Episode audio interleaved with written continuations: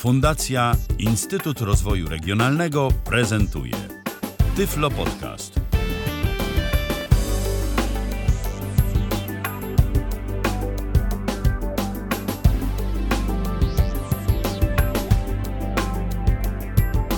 Kalendarzu mamy początek tygodnia, bo mamy poniedziałek, to jest 15 dzień lipca 2019 roku. Witam bardzo serdecznie przy mikrofonie e, Michał Dziwisz, a przy drugim mikrofonie mój dzisiejszy gość e, Edwin, jak to sam się zawsze przedstawia na antenie, Senek Tarka. Cześć Edwin.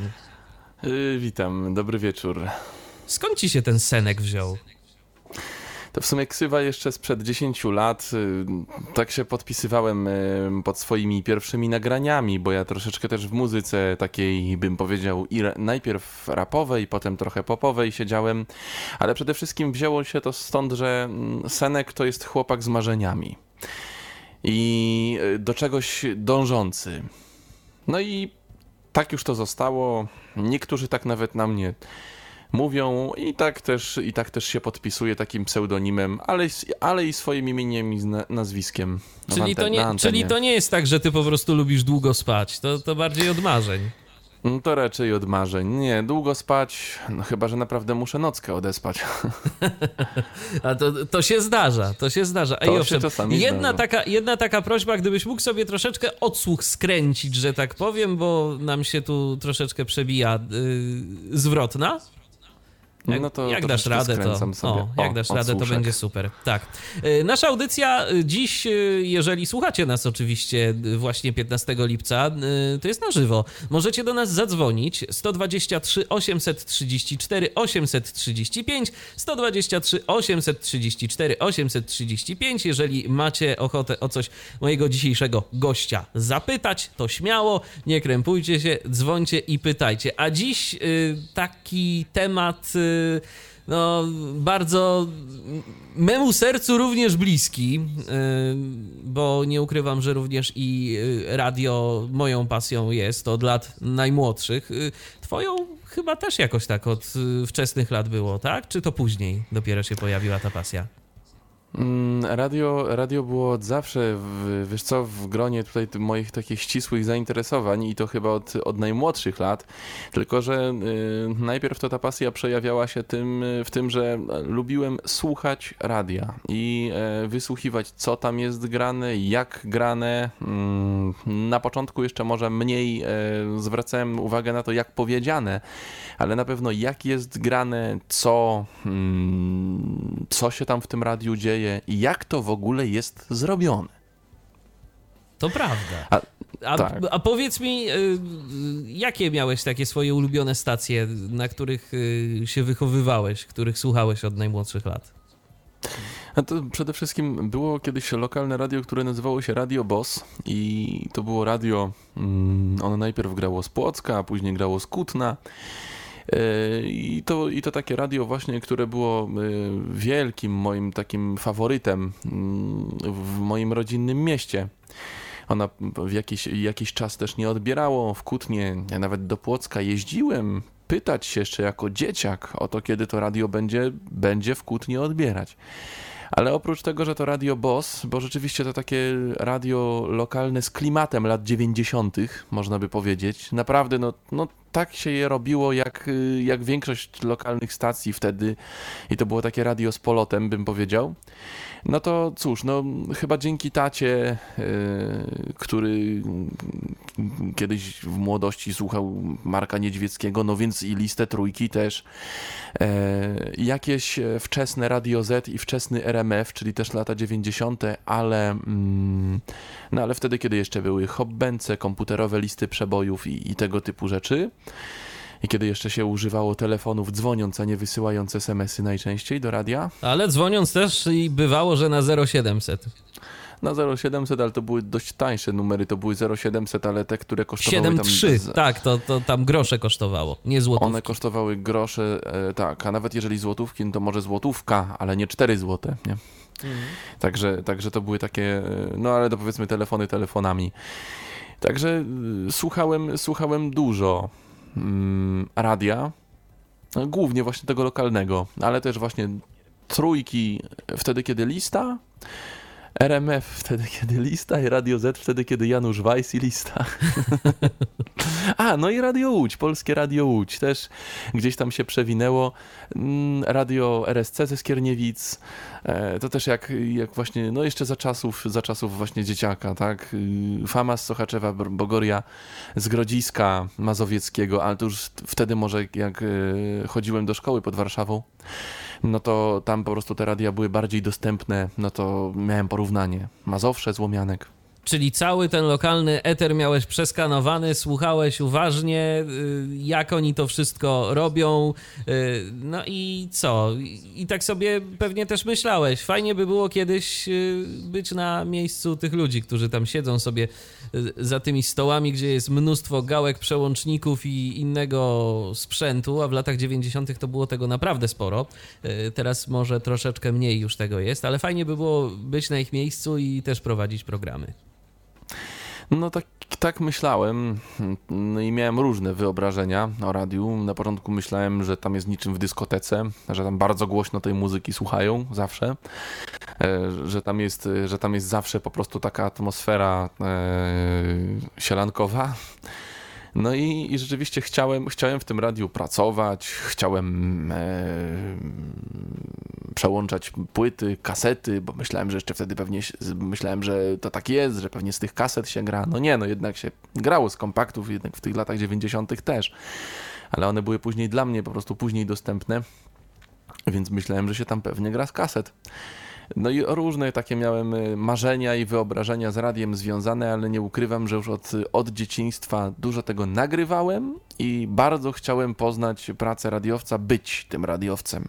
Przed rodziną y, byłem małym radiowcem, bo stałem w kuchni i mówiłem listę przebojów, co dzisiaj jest od 20 i pierwszego, do pierwszego miejsca, a znałem na pamięć notowania. Skąd ja to znam? No właśnie, więc, więc tak to było.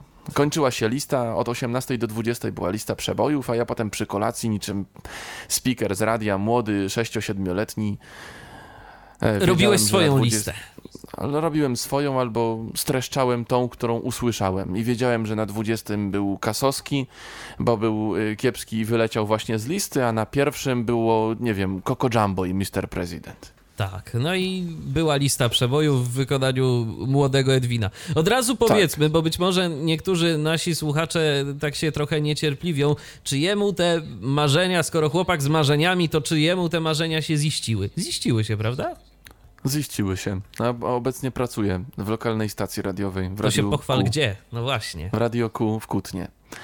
Radia można słuchać na 107 FM. E, wszystkich, którzy nie są z Kutna, zapraszam na stronę radioku albo www.radioku.fm. Tak, Radio i tam Q pisane można... razem i to jest przez literka Q. Q. Radio Q. Radio tak. Q, litera Q na końcu nazwy. Tak, y, tak się stacja nazwała. No dobrze, my sobie porozmawiamy dziś o tej całej twojej ścieżce zawodowej, że tak powiem. E, jaka była twoja droga od e, pasjonata radia do miejsca, w którym teraz się znalazłeś, czyli do radiowego prezentera, mm, którym obecnie jesteś, jak to wszystko wyglądało. E, od razu myślę, że można powiedzieć, że dla niewidomego jest to zawód y, jak najbardziej dostępny, natomiast wymaga jak to tak y, się mówi, obecnie w dzisiejszych czasach takiego dość mocnego ogarnięcia się. I to też w kwestiach technicznych. Ten zawód wymaga ogarnięcia się i to w kwestiach technicznych bardzo dużego ogarnięcia się. Ten zawód jest dostępny, ale on wymaga jeszcze czegoś bardzo ważnego. On wymaga. Współpracy obu stron. To znaczy, e, wymaga tego, żebyśmy my byli ogarnięci, ale wymaga też, żeby nasz pracodawca no, był człowiekiem otwartym i myślącym, który nie, nie poddaje się stereotypom i, i po prostu który da szansę pracy w takiej, w takiej lokalnej stacji i wtedy, jeżeli my jesteśmy na tyle ogarnięci, zdeterminowani, zorientowani przede wszystkim, bo jeżeli jesteśmy zieloni, to zapomnijmy, ale jeżeli jesteśmy zdeterminowani i mamy pojęcie o tym, no to myślę, że jest to dostępne dla nas, niewidomych. Wiesz, w przypadku y, tej chęci pracodawcy, to myślę, że to w każdym przypadku tak jest, y, że pracodawca, jeżeli jest to zawód, w którym y, niewidomy, powiedzmy, nie jest takim standardowym pracownikiem, bo no, obecnie najwięcej niewidomych, no to co? Jakiś telemarketing, wprowadzanie danych i tak dalej, i tak dalej, czyli te wszystkie zawody, na których to sobie uświadomiły różnego rodzaju firmy biorące kupę dotacji z Pefronu, że mogą e, jeszcze jakoś tam zarobić na osobach e, z niepełnosprawnością wzroku. Natomiast e, kiedy wchodzimy do jakiegokolwiek zawodu, w którym no, jesteśmy jednostką, jedną jednostką, wchodzimy na otwarty rynek i mówimy temu pracodawcy, słuchaj, człowieku, weź ty mnie zatrudnij, ja dam radę, to po drugiej stronie zawsze musi być ta otwartość, bo jeżeli tej otwartości nie ma, y, to w dowolnym zawodzie tak naprawdę zostaniemy ubici na samym starcie. Nie myślę, że ja o tej otwartości i o tym, e, jak ja do tego podszedłem, to też jeszcze dzisiaj opowiem, e, jak do, dotrzemy do momentu, w którym będę troszeczkę mówił o rekrutacji. Dokładnie. Bo to będzie, bo to będzie pewna anegdotka, yy, troszeczkę tak zdradzę, wyprzedzę fakty, ale potem do tego dotrzemy. Będzie taka pewna anegdotka, która yy, tyczy się wzroczności, tudzież bezwzroczności mojej. I jak to z tym było, jak to z tym wyszło. Tak, i o tym wszystkim dziś sobie opowiemy na pewno na antenie Tyfloradia, ale zanim dojdziemy do tego, jak to się stało, że za konsoletą Radia Q y, jest ci dane zasiadać praktycznie codziennie, to powiedzmy może o twoich początkach. No bo dobrze, y, między Edwinem y, małym, stojącym w kuchni i reportującym listę przebojów wszystkim domownikom, czy tego chcieli, czy nie chcieli, a Edwinem który mówi dzień dobry, dobry wieczór do słuchaczy w Kutnie i w okolicach, to jednak jakaś droga była. E, jak ona wyglądała w Twoim przypadku? No, skupiłbym się w tym momencie na tej części praktycznej, bo, bo powiedzmy, że e, ta droga była dość, dość długa, ale to nie jest tak, że w szkole czy na studiach tego uczyli od tej praktycznej strony. No właśnie, skoro mowa o studiach, y, co ty skończyłeś właściwie? Dziennikarstwo i komunikację społeczną i rzeczywiście na specjalizacji radiowej. Natomiast y, no, wszystkim tym, którzy myślą, że pójdą na dziennikarstwo i nauczą się pracy prezentera radiowego, no to powiem, że będą, będziecie w błędzie, jesteście w błędzie. E, będą podstawy dziennikarstwa, może nawet bardziej zaawansowane, jeżeli dostaniecie się na fajną uczelnię, do fajnej rozgłośni, na praktyki nie chcę jakoś źle mówić o swojej uczelni, ani o swoich wykładowcach.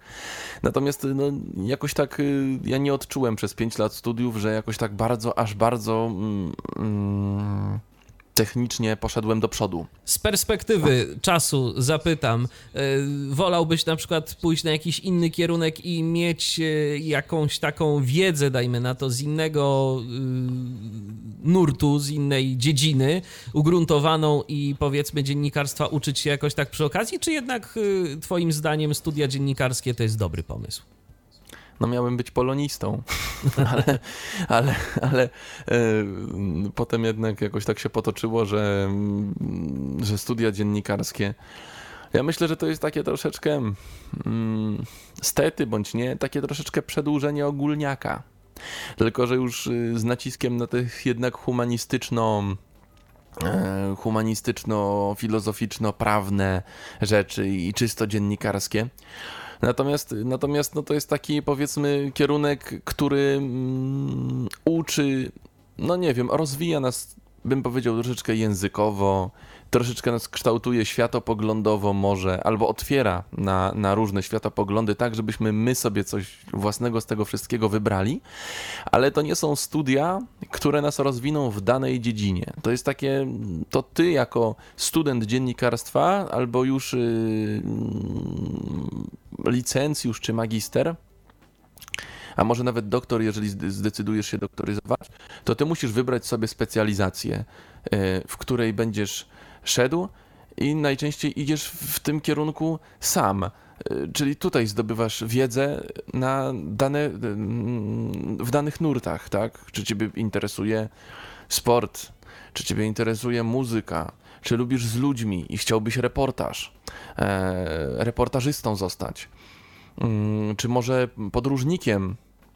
I tego typu dziennikarstwo cię fascynuje, czy może jakaś moda, ale studia są myślę takim bardziej warsztatem niż czymś merytorycznym.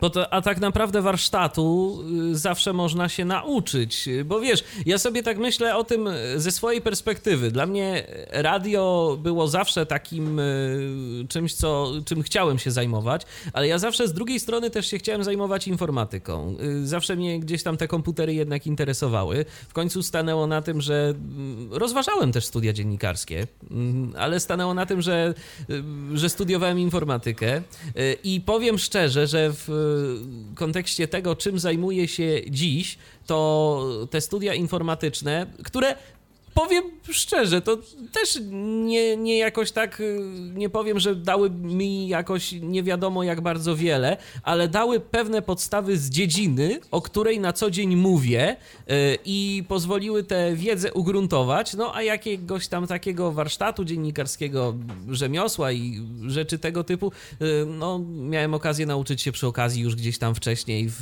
w redakcji radiowej, a później sobie to rozwijać, rozwijać i jeszcze raz rozwijać. Także y, no to już pozostawiamy oczywiście wszystkim tym, którzy będą chcieli y, pójść y, jakąś ścieżką kariery, tak, dziennikarskiej, czy, czy iść na studia o jakiejś specjalizacji, która was rzeczywiście interesuje, czy, czy wybrać dziennikarstwo i uczyć się tego warsztatu. No tylko później o czymś trzeba mówić do tych ludzi. A fajnie mieć chyba jakąś taką specjalizację, jakąś taką pasję swoją jeszcze. Bardzo fajnie, bardzo fajnie mieć pasję i taką swoją specjalizację. No i ja chyba nie będę jakimś e, w tym momencie mm, e, wyjątkiem od reguły, czy, czy coś w tym z tego, dla, dlatego że jak się mówi radio, a szczególnie które coś mm, do nas gra i bardzo często dużo tego gra, no to jaką specjalizacją może się wykazywać pre- prezenter? No raczej muzyczną. I i nie ukrywam, że e, w muzyce troszeczkę też siedzę, i to była jakby druga moja mm, taka alternatywa, że jeżeli nie w muzyce, to w radiu, albo na odwrót, jeżeli nie w radiu, to w muzyce. I trochę grałem, trochę śpiewałem na studiach w zespole, wiesz, bluesowym, klawiszowym, poza, poza studiami, gdzieś tam sobie solo, czy tam ze znajomymi. Mm, No ale z tej muzyki jakoś na razie nie ma kołaczy, chociaż było trochę pracy. Ale pojawiło się właśnie, pojawiła się perspektywa ta radiowa. No dobrze, ale do tej perspektywy to za chwileczkę dojdziemy, a teraz jeszcze. y, Te początki Tak, teraz, o tych tak? początkach, tak, porozmawiajmy. Bo tak, y, studia, y, okej, y, studiujesz 5 lat, tak? Ale dajmy, Stu- ale dajmy jeszcze przed studiami. No może. właśnie, a ale coś dajmy może przed? jeszcze przed studiami, jasne. Dlatego, że taka pierwsza namiastka, naprawdę namiastka, namiastki radia. To był mikrofon, jak ja to mówię, na gęsiej szyjce za 30 zł. Serwer na jakimś SMS-owym, wiesz, hostingu i coś, co my nazwaliśmy Radio Boss, ale to tylko dlatego, że na cześć tego, co się tak y, kiedyś dumnie zwało Radio Boss, więc jeszcze miało swój przedrostek podwórkowe Radio Boss. Dzieciaki 15-16 lat graliśmy w takiej stacji internetowej, no ale to z radiem to nie miało nic wspólnego, chociaż y, tą samą technologią, którą robisz radio internetowe, no nie? No tak. Radio, które puszczało, puszczało dosłownie, bo w radiu się nie puszcza muzyki, ją się gra. Ale my wtedy jeszcze puszczaliśmy e, piosenki, czytaliśmy pozdrowienia z konsolki, rozsyła, rozsyłaliśmy linki po gadu-gadu. Był wtedy taki bardzo popularny komunikator e, gadu-gadu znajomym i wtedy rzeczywiście tak to się kręciło.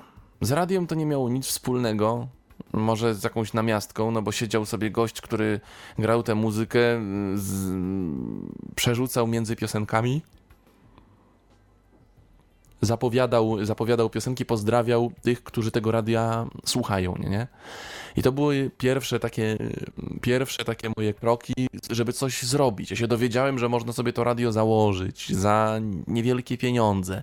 No to poczytaliśmy, jak to się robi, co trzeba zainstalować. A że tej muzyki każdy miał, ale nie mieliśmy pojęcia o formatach, czy nawet jeżeli nie formatach, to o tym, jak tę muzykę ze sobą w tym radiu łączyć. Bo wiadomo, słuchać radia, a grać w radiu to są dwie różne rzeczy. No więc no to się każdemu tak wydaje, że w sumie wystarczy wydaje. tylko usiąść y, gdzieś tam przy tym mikrofonie. Jak nawet mamy już do dyspozycji ten mikrofon, mamy do dyspozycji jakiś serwer, bo w dzisiejszych czasach zrobić swoje własne radio, y, jakiekolwiek, y, to naprawdę nie jest nie wielka jest sztuka. Takie, Oczywiście. Nie jest aż takie trudne. To tylko wszystko się da. To się nawet da zrobić hmm, teoretycznie w tydzień czasu. No bo no, chyba, że już mamy przygotowaną bazę muzyczną. Ale jeżeli nie, no to powiedzmy wybieramy kilkaset utworów, kupujemy serwer, e, parę technicznych rzeczy, których sobie konfigurujemy i jakieś tam radio już nam będzie grało. I mamy radio, jesteśmy właścicielem radia. Radia, tak. A jeszcze jeżeli potrafimy na tym zarobić, to już w ogóle dobra nasza. No my wtedy nie umieliśmy zarobić. E, to było radio, które mogło ci grać od sasa do lasa, ale tego się od tego się zaczynało, no i potem były podobne tego, tego typu stacje. Ale wiesz, Edwin, powiedzmy sobie szczerze, to tak y, myślę, że może w nieco bardziej uporządkowany wiesz? sposób, ale zaczynało, y, zaczynała większość y, stacji lokalnych, tak? Przecież ci ludzie, którzy zabierali się za robienie radia w jakichś małych miasteczkach, no to nie mieli tak naprawdę zbytnio doświadczenia jakiegokolwiek większego w robieniu radia. Im oni robili, jak im się wydawało, że się powinno robić to radio. No tak też myślę. No, to jest też często intuicja. Była przynajmniej. Dlatego, że po tych wszystkich próbach internetowych, tam było kilka tych stacyjek. Mhm. Było Radio Boss, później ze znajomymi ze Zgierza zrobiliśmy radio o wdzięcznej nazwie Radio Pindor. I, i, i bo to była ksywa jednego z, ze znajomych. I po prostu tam też, ale to na tej samej zasadzie. No, może troszeczkę starsi byliśmy, no mieliśmy 17 lat, ale nadal jeszcze nikt tych technikaliów, tej ogłady nie złapał. Wiedzieli po prostu tylko tyle, że ja kiedyś grałem, no to Senek pomożesz to Senek pomożesz, to, to, to jak my mamy to zrobić, żeby to grało?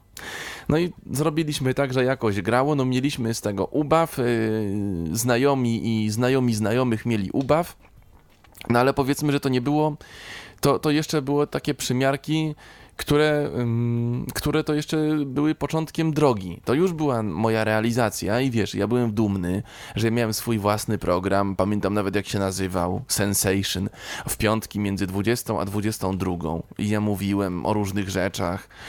Tylko, że to czasami były newsy znalezione z netu, a czasami czasami rzeczy na zasadzie coś mi się przytrafiło, nie wiem, letnia przygoda i będę o tym mówił na antenie dzisiaj, bo, bo jest fajnie. I tak y, w sumie bez ładu większego i składu. Czyli tak, czyli e. tak naprawdę, no wiesz, y, wszyscy konsultanci radiowi z branży mówią o tym, żeby właśnie y, opowiadać, że, że opowiadać radio to jest historię. tak, żeby opowiadać historię, żeby właśnie ze swojego życia gdzieś tam przemycać na antenę różne rzeczy, bo dla ludzi to przede wszystkim jest ciekawe. Robię to do dzisiaj. Robię to do dzisiaj, no nie tłumaczę się z ludziom z największej prywaty, ale tej prywaty jest jednak dużo, tylko to też trzeba ubrać w pewne ramy i tak te prywaty ludziom przekazać, żeby to jednak y, fajnie się tego słuchało, bo mm, ludzie lubią poznawać prezenterów, ale nie lubią z drugiej strony, no, no, no, nie można się dzielić jakąś tam historią swojego życia aż taką dogłębną, tak? No, trzeba mieć we wszystkim wyczucie. Oczywiście, że tak. No, więc jeżeli chodzi o te radyjka internetowe, no to to by było tyle. To były dwie stacje, które robiłem. Potem była bardzo długa, długa, długa przerwa. Mm, kiedy nie działo się nic. czym spowodowana? Y, stwierdziłeś, że to jest jednak nie to, czy zająłeś się czym innym, czy jak to Zająłem było? się czym innym, bo to było początek liceum, to radio Pindor. A później zająłem się muzyką i po prostu pochłonęła mnie szkoła muzyczna. E, miałem zajawkę na musical. E, bardzo się tym interesowałem. Pisałem swój spektakl nawet. Jeździłem na, to, na te spektakle, poznawałem się z artystami, nagry, nagrywałem, co mi się udało nagrać. Interesowałem się tym, mm, poznawałem takie środowisko musicalowe i to radio gdzieś, gdzieś może nie umarło, ale ja miałem wtedy potem inne marzenia, że ja za wszelką cenę aktorem zostanę. I, i, ten radiowiec nagle gdzieś tam, wiesz, yy, gdzieś podszedł na dalszy plan, bo ja byłem tak wkręcony w tę muzykę i to taką, bym powiedział, wysoką kulturę przez kilka lat, że, że, że ten teatr mi wyłączył gdzieś tam trzeźwe patrzenie na świat. No, umówmy się, no raczej niewidomy nie będzie aktorem takim pełnowymiarowym, tak? No, nie zrobisz pewnych rzeczy na scenie. Jak dobrze pamiętam, to my się w ogóle poznaliśmy jakoś chyba w tym czasie, kiedy ty byłeś bardzo zakręcony na punkcie tego teatru, musicalu i ja tak w pewnym momencie rzeczywiście tak sobie myślałem, no kurde, z tym człowiekiem to się za bardzo y, o niczym innym nie da pogadać, a potem się nagle okazało, że go radio interesuje jakoś tak bardziej, a, a tego istotnie y, z takiego pierwszego wrażenia w ogóle nie, ja ciebie z radiem absolutnie nie kojarzyłem, tylko bardziej jako człowieka, który, nie wiem, gdzieś tam y, ciągle śledzi jakieś musicale, jakieś, nie wiem, co tam jest, jakiś upiór w operze, mm. tak, czy, czy inne rzeczy tego typu. Y, no i, i, to jest dla ciebie, I to jest dla ciebie cały świat, tak naprawdę i śledziłem i, i, świata poza nimi nie widziałem i często wołałem kogoś, kto, kto jest zupełnie w tym zielony, ale nie, się musiałem podzielić i patrz, słuchaj, to jest wersja z Meksyku, a, a tak to zrobili w Holandii, a tak w Niemczech. W końcu ktoś mi powiedział, Edwin, dobra, Niemcy, Meksyk, Holandia, tylko powiedz mi, po co mi to? Na co mi to potrzebne, Meksyk? Włączę to po polsku czy po angielsku, bo mnie to nie interesuje, jak to grają po holendersku. Chcesz się tym interesować, to się interesuj. No i powiedzmy, że po kilku latach, wiesz, po kilku latach już na studiach byłem, mm, osłuchałem się z muzyką, bo ja mam swoje muzyczne jakieś tam upodobania. Więc osłuchałem się z muzyką, ale już okrzepłem trochę, dojrzałem i stwierdziłem, że jest potrzebny Eurodance z lat 90., który uwielbiam, jest potrzebna muzyka rockowa, i jest potrzebny, nie wiem, pop, folk jakiś. Musical może troszeczkę też jak sobie tak uświadomiłem, że wszystkiego tego, już jak wiesz, jak już faza opadła, tak? Mhm. I wszystkiego tego, jak tak sobie posłuchałem, uświadomiłem sobie, że w większości można to ze sobą połączyć, no to jednak radio. no, bo, no bo radio łączy różne style muzyczne, a wiedziałem, że z muzyki to mm, nie wiem, czy jak myślisz, bardziej nielicznym się udaje w radiu, czy bardziej nielicznym w muzyce? Bo ja byłem w, w pewnym momencie przekonany, że jednak chyba w tym radiu będę miał jednak większe szanse niż na scenie i to takiej scenie bym powiedział no oficjalnej, tak, żeby dotrzeć do grona odbiorców. Wiesz co, no, mm. tak mi się wydaje, no, że patrząc na y, muzykę i radio tak globalnie, to chyba jednak bardziej rozpoznawalnych mamy z branży ludzi, czyli, czyli ludzi niewidomych w muzyce, mimo wszystko, niż w radiu. Natomiast jak no to tak. jest w liczbach, jak to wygląda, y, no to już y, zupełnie inna rzecz. Ja co jakiś czas gdzieś tam y, widzę, szczególnie na zachodnich grupach radiowych na Facebooku, że mm, są ludzie, którzy faktycznie zajmują się radiem ja, i są niewidomi. Ja na przykład znalazłem jakiś czas temu informację o niewidomym, który czyta newsy w jakiejś amerykańskiej stacji. Y, to, to też w ogóle taka ciekawostka, bo o prezenterach to już słyszy się dość często, czy nawet o ludziach, którzy mają własne stacje radiowe. Y, w Polsce też zresztą jest taki przypadek. Pozdrawiamy serdecznie Piotra. Y, tak jest. Tak. Natomiast, natomiast rzeczywiście fakt faktem no ciężko powiedzieć, jak to jest z tymi liczbami, tak? Ilu jest niewidomych w muzyce, którzy się jakoś tam wybili, a ilu jest tych radiowców, którym się y, ścieżka kariery jakoś udała. Albo po prostu, którzy lubią to, co robią, bo powiedzmy sobie też szczerze, no nie każdy y, chce koniecznie, nie wiadomo, y, co w tym zawodzie osiągnąć i dla niego być może ideałem jest takie radio lokalne, tak? W którym, w którym robi się wszelkie różnego rodzaju fajne rzeczy, w którym się zawsze coś dzieje, w którym po prostu jest interesująco, a nie każdy może chce pracować w RMF-ie czy, czy w Zetce, tak? No to chyba, to chyba właśnie, to chyba właśnie rozmawiasz z kimś takim, bo mm, moim ideałem właśnie, o ile możemy mówić o ideałach, ale właśnie takim spełnieniem marzeń jest takie właśnie lokalne radio, bo wiem, że jestem stąd. Ja mówię do tych ludzi mm, z mojego miasta i z okolic i mi tutaj jest najlepiej. Mhm. Właśnie w takiej lokalnej stacji, w której się coś dzieje, w której mam ekipę, e, z którą mogę współpracować. I tak to się właśnie kręci. No ale zanim się to, to, to zakręciło, no to przecież jeszcze trzeba, warto wspomnieć o tym, że studia studiami, muzyka muzyką, plany planami, ale właśnie po studiach, bo to już troszeczkę po studiach, nawet chyba w tym samym roku, co skończyłem takie już regularne studiowanie, praca magisterska wtedy jeszcze tylko została, no to dołączyłem do Was i wspólnie tworzyliśmy przecież Radio DHT. Dokładnie. I Radio DHT, no to już było potraktowane przeze mnie poważnie. Dlatego, że żeby już tam grać, no to już miałem mikrofon taki, taki już yy, taki radiowy, lepszy. taki lepszy, tak. Mikser, który mi nawet tutaj po mojej lewicy stoi i do którego w tym momencie ten mikrofon podłączony jest. Ze dwie karty dźwiękowe, jakieś już pojęcie o muzyce, no i system emisyjny. Znaczy najpierw to wiadomo, że się grało z odtwarzaczyka z Winampa, no ale to były moje pierwsze programy. I nawet pamiętam, że to chyba ty mnie zmotywowałeś, no skoro chcesz grać w radiu, nawet internetowym, no to kup sobie ten system emisyjny, bo ci się przyda. Dokładnie. I potem się okazało, że miałem rację, bo się istotnie przydał. No bo się przydał i teraz to już po prostu na miarę produkcyjną się przydał.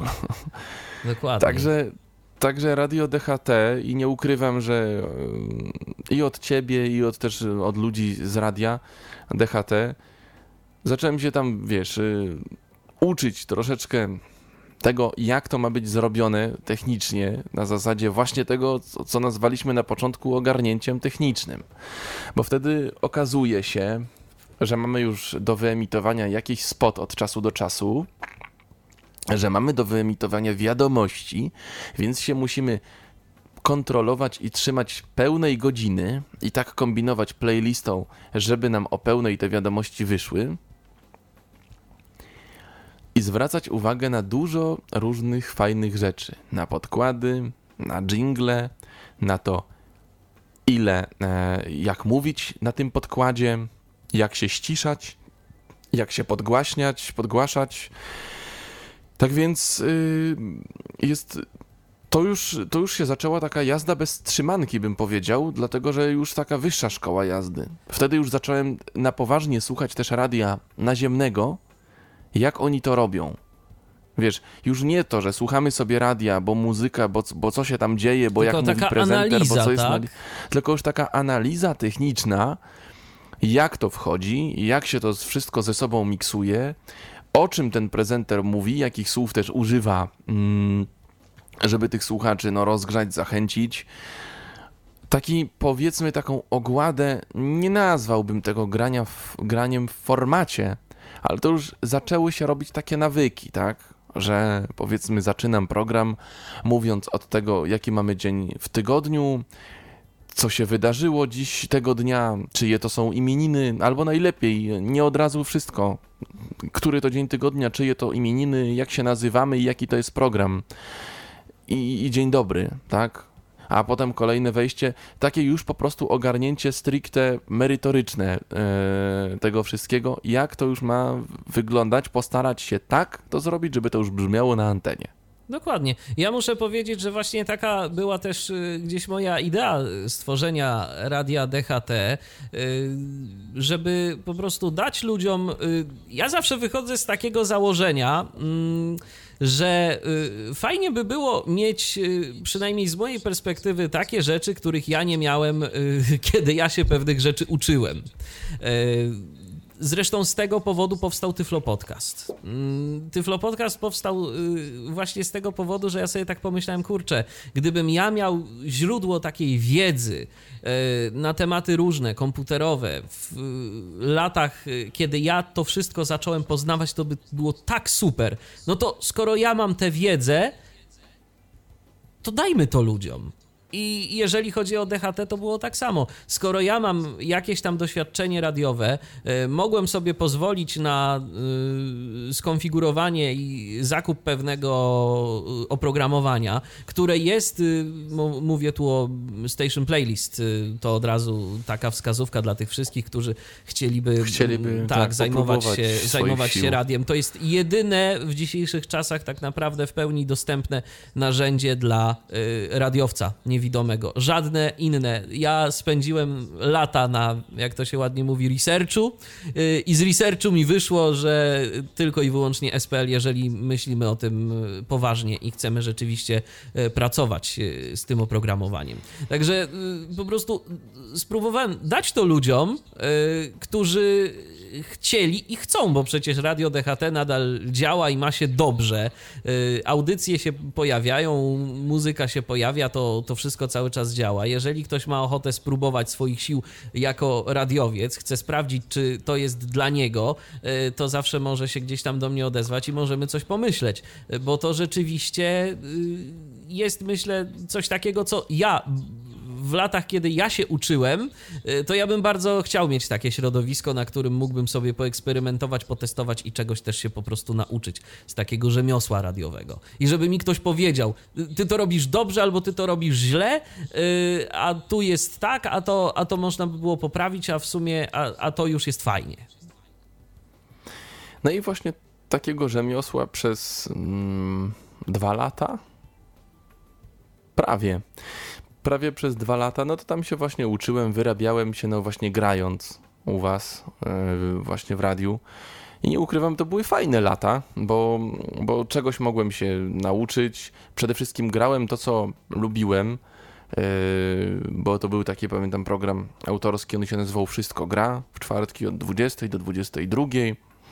Ja sobie miałem raz w tygodniu więc mogłem sobie na spokojnie przygotować utwory, które będę grał, newsy, które będę mówił. I rzeczywiście były tam newsy z kraju, ze świata, ciekawostki różne, były utwory. Był taki mój autorski format tego programu. E, że, że, że, powiedzmy to nie było stricte densowe, stricte oldowe, stricte jakieś tam, tylko po prostu taki mój autorski format na zasadzie tego, czego ja bym chciał posłuchać, na zasadzie zrobić program radiowy takiego, jakiego ja bym chciał posłuchać. Wiesz, my tu, I chyba się to... Ty tu używasz takiego pojęcia format, w ogóle może powiedzmy, bo być może nie wszyscy nasi słuchacze są tak bardzo wdrożeni e, Aha, w kwestie radiowe, no tak. może powiedzmy o co chodzi z tym formatem, tak? Bo ludziom się format tak kojarzy z formatem albo dysku, albo z formatowaniem tekstu. Tak jest. Format w radiu, mianem formatu, określamy taką jakby taki jego kształt, zarys stacji, czyli przede wszystkim do kogo to radio kierujemy, znaczy, no, jeden z, z uznanych programujących muzykę w polskich stacjach mówi, że przede wszystkim kierujemy radio do, ko dla, do kobiet. Ale... Ka każdą stację na początku kierujemy do kobiet, tak, bo kobiety są bardziej wierne, jeżeli chodzi o słuchanie. Rzadziej zmieniają stację. Tak jest. Natomiast formatem nazywamy taki właśnie ogólny kształt tej stacji. Stosuje się to właśnie w radiach komercyjnych najczęściej. Mm, po grupie odbiorców ustalamy ten format. Czy ma to być radio dla młodego odbiorcy, czy ma to być radio e, dla odbiorcy dorosłego, ale takiego powiedzmy od 25 do 50 lat, czy ma to być radio dla seniora, czy ma to być radio wyspecjalizowane w jakimś konkretnym, e, w jakiejś konkretnej dziedzinie, bo możemy mieć przecież radia informacyjne, e, możemy mieć radia muzyczne i to takie stricte muzyczne, rockowe, densowe, nie wiem, jeszcze jakieś z, z muzyką klasyczną na przykład albo religijne, no ale już tutaj powiedzmy, to, to już nie, nie będzie format, bo to społeczne, społeczno-religijna to stacja. Znaczy, wiesz, to, też, jest, to też jest format. Y, ja powiem więcej, tak naprawdę w Stanach Zjednoczonych, y, jeżeli mamy stację radiową, to każda stacja radiowa w y, Stanach Zjednoczonych ma swój format. Nawet jeżeli tym formatem jest variety, czyli po prostu różnorodność, tak? Ale taki format, oprócz muzyki, o której wspomniałeś i jeżeli muzyka jest istotną częścią przekazu radiowego to faktycznie ma znaczenie. Mm, chociaż myślę, że w przypadku każdego formatu gdzieś tam ta piosenka od czasu do czasu y, rzadziej lub częściej się pojawi na antenie, ale też ważne na przykład jest to, y, jak się mówi do słuchacza, bo inaczej mówi się do słuchacza młodego, inaczej mówi się do słuchacza starszego, a inaczej mówi się do słuchacza głęboko wierzącego, który jest odbiorcą właśnie takiego y, formatu religijnego. Religijnego. Mhm. Dlatego, dlatego to słowo też ma znaczenie i mm, to pojęcie format, ono mi tak teraz troszeczkę weszło, dlatego że ja średnio, średnio w ogóle lubię coś takiego. E, oczywiście teraz pewnych zasad, pracując w lokalnej stacji, się trzymam, bo, bo, bo, wszyscy się tam musimy trzymać. Gdyby, gdyby się nikt tego nie trzymał, to byłoby w ogóle jakieś bezkrólewie i to radio nie miałoby w ogóle podstaw istnieć. Natomiast, y, natomiast y, wtedy jeszcze za czasów radia DHT, no to gdzieś tam pojęcie formatu było mi chyba na tyle obce, że ja mówiłem, że to jest taki mój autorski format, o ile w ogóle, bo mówiłem do słuchacza tak naprawdę w każdym wieku, bo i młodzież mnie zrozumiała i ktoś po 40-50 y, plus myślę, że też mnie zrozumiał, bo mówiłem po polsku, po naszemu, może nie używałem, wiesz, jakichś takich bardzo e, nowoczesnych skrótów myślowych, żebym ja tam mówił jak, jak nowe komercyjne radia dla młodzieży siema, ogarniajcie, wbijajcie, podklepcie i tak dalej. Ale z drugiej strony też nie robiłem z siebie nie wiadomo mm, jakiego inteligenta, że, że mówiłem do wyższej klasy, wyższej Szanowni sfery. Teraz, państwo. drodzy, Szanowni Państwo, minęła 20. Zapraszam na trzecie wydanie programu Wszystko gra. Nie, to w ten sposób też nie mówiłem. Przede wszystkim naturalność w głosie, tak, spontan, taka jakaś, e, bo, bo za to po prostu słuchacz może nas polubić. E, I to też jest taka dobra, dobra rada, żeby właśnie aż tak bardzo nie formatować tego mówienia swojego.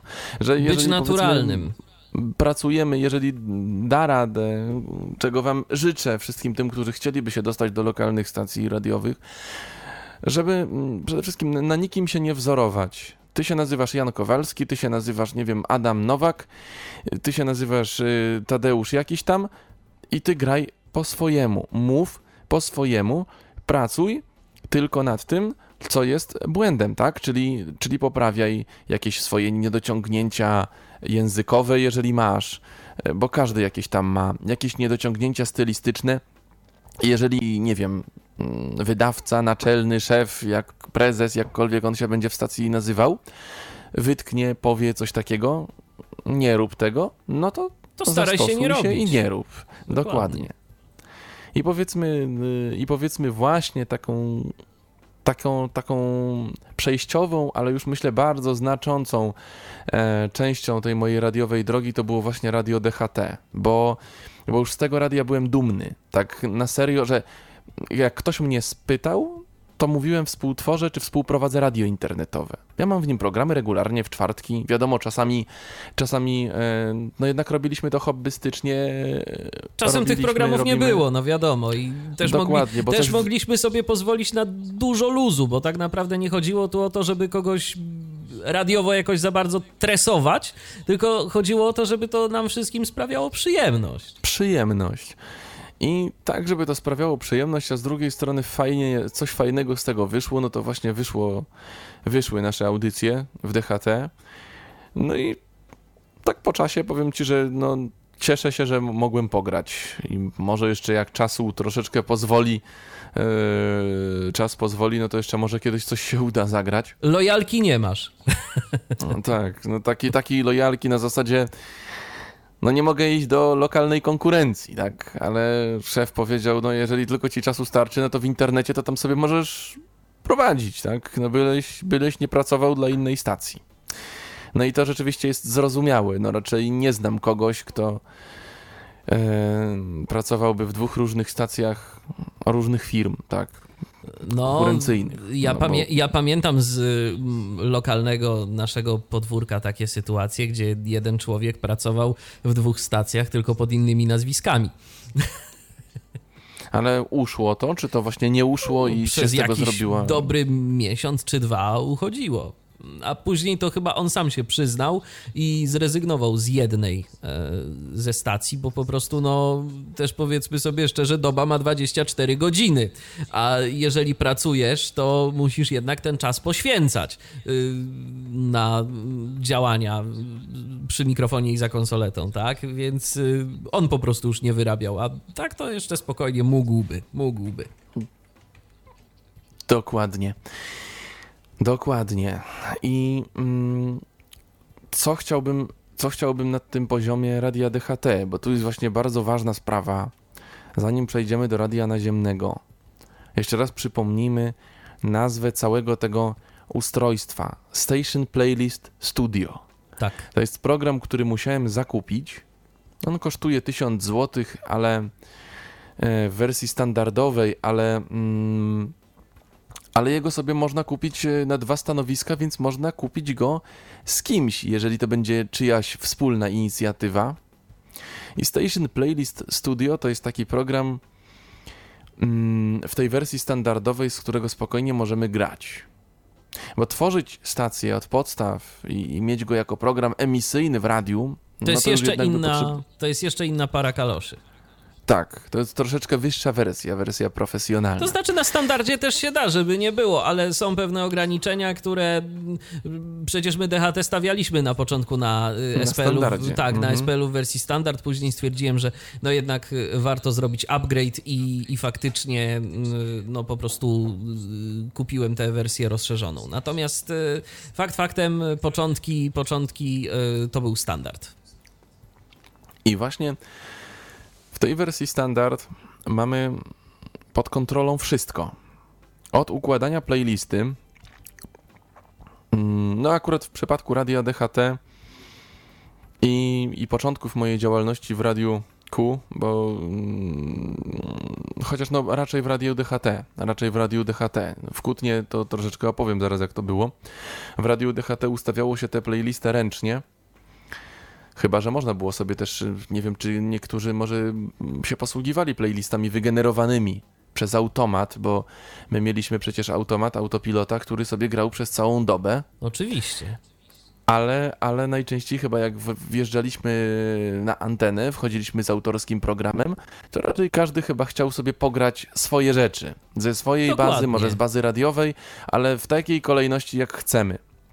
Więc można było ułożyć playlistę, przesunąć, zmiksować, sprawdzić o której godzinie wyemitujemy konkretną piosenkę, ile ona trwa, ile zostanie do końca tej piosenki, a to jest właśnie ważne, kiedy na przykład chcemy fajne wejście zrobić i powiedzmy wiemy, że ostatnie 30 sekund piosenki nam się przyda.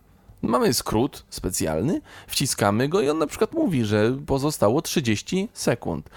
Piosenka już jest powiedzmy nieznaczącym refrenem, już nic, bo to już jest trzecie z rzędu na na na, no to sobie możemy wtedy mówić, żeby nie wykorzystywać podkładów.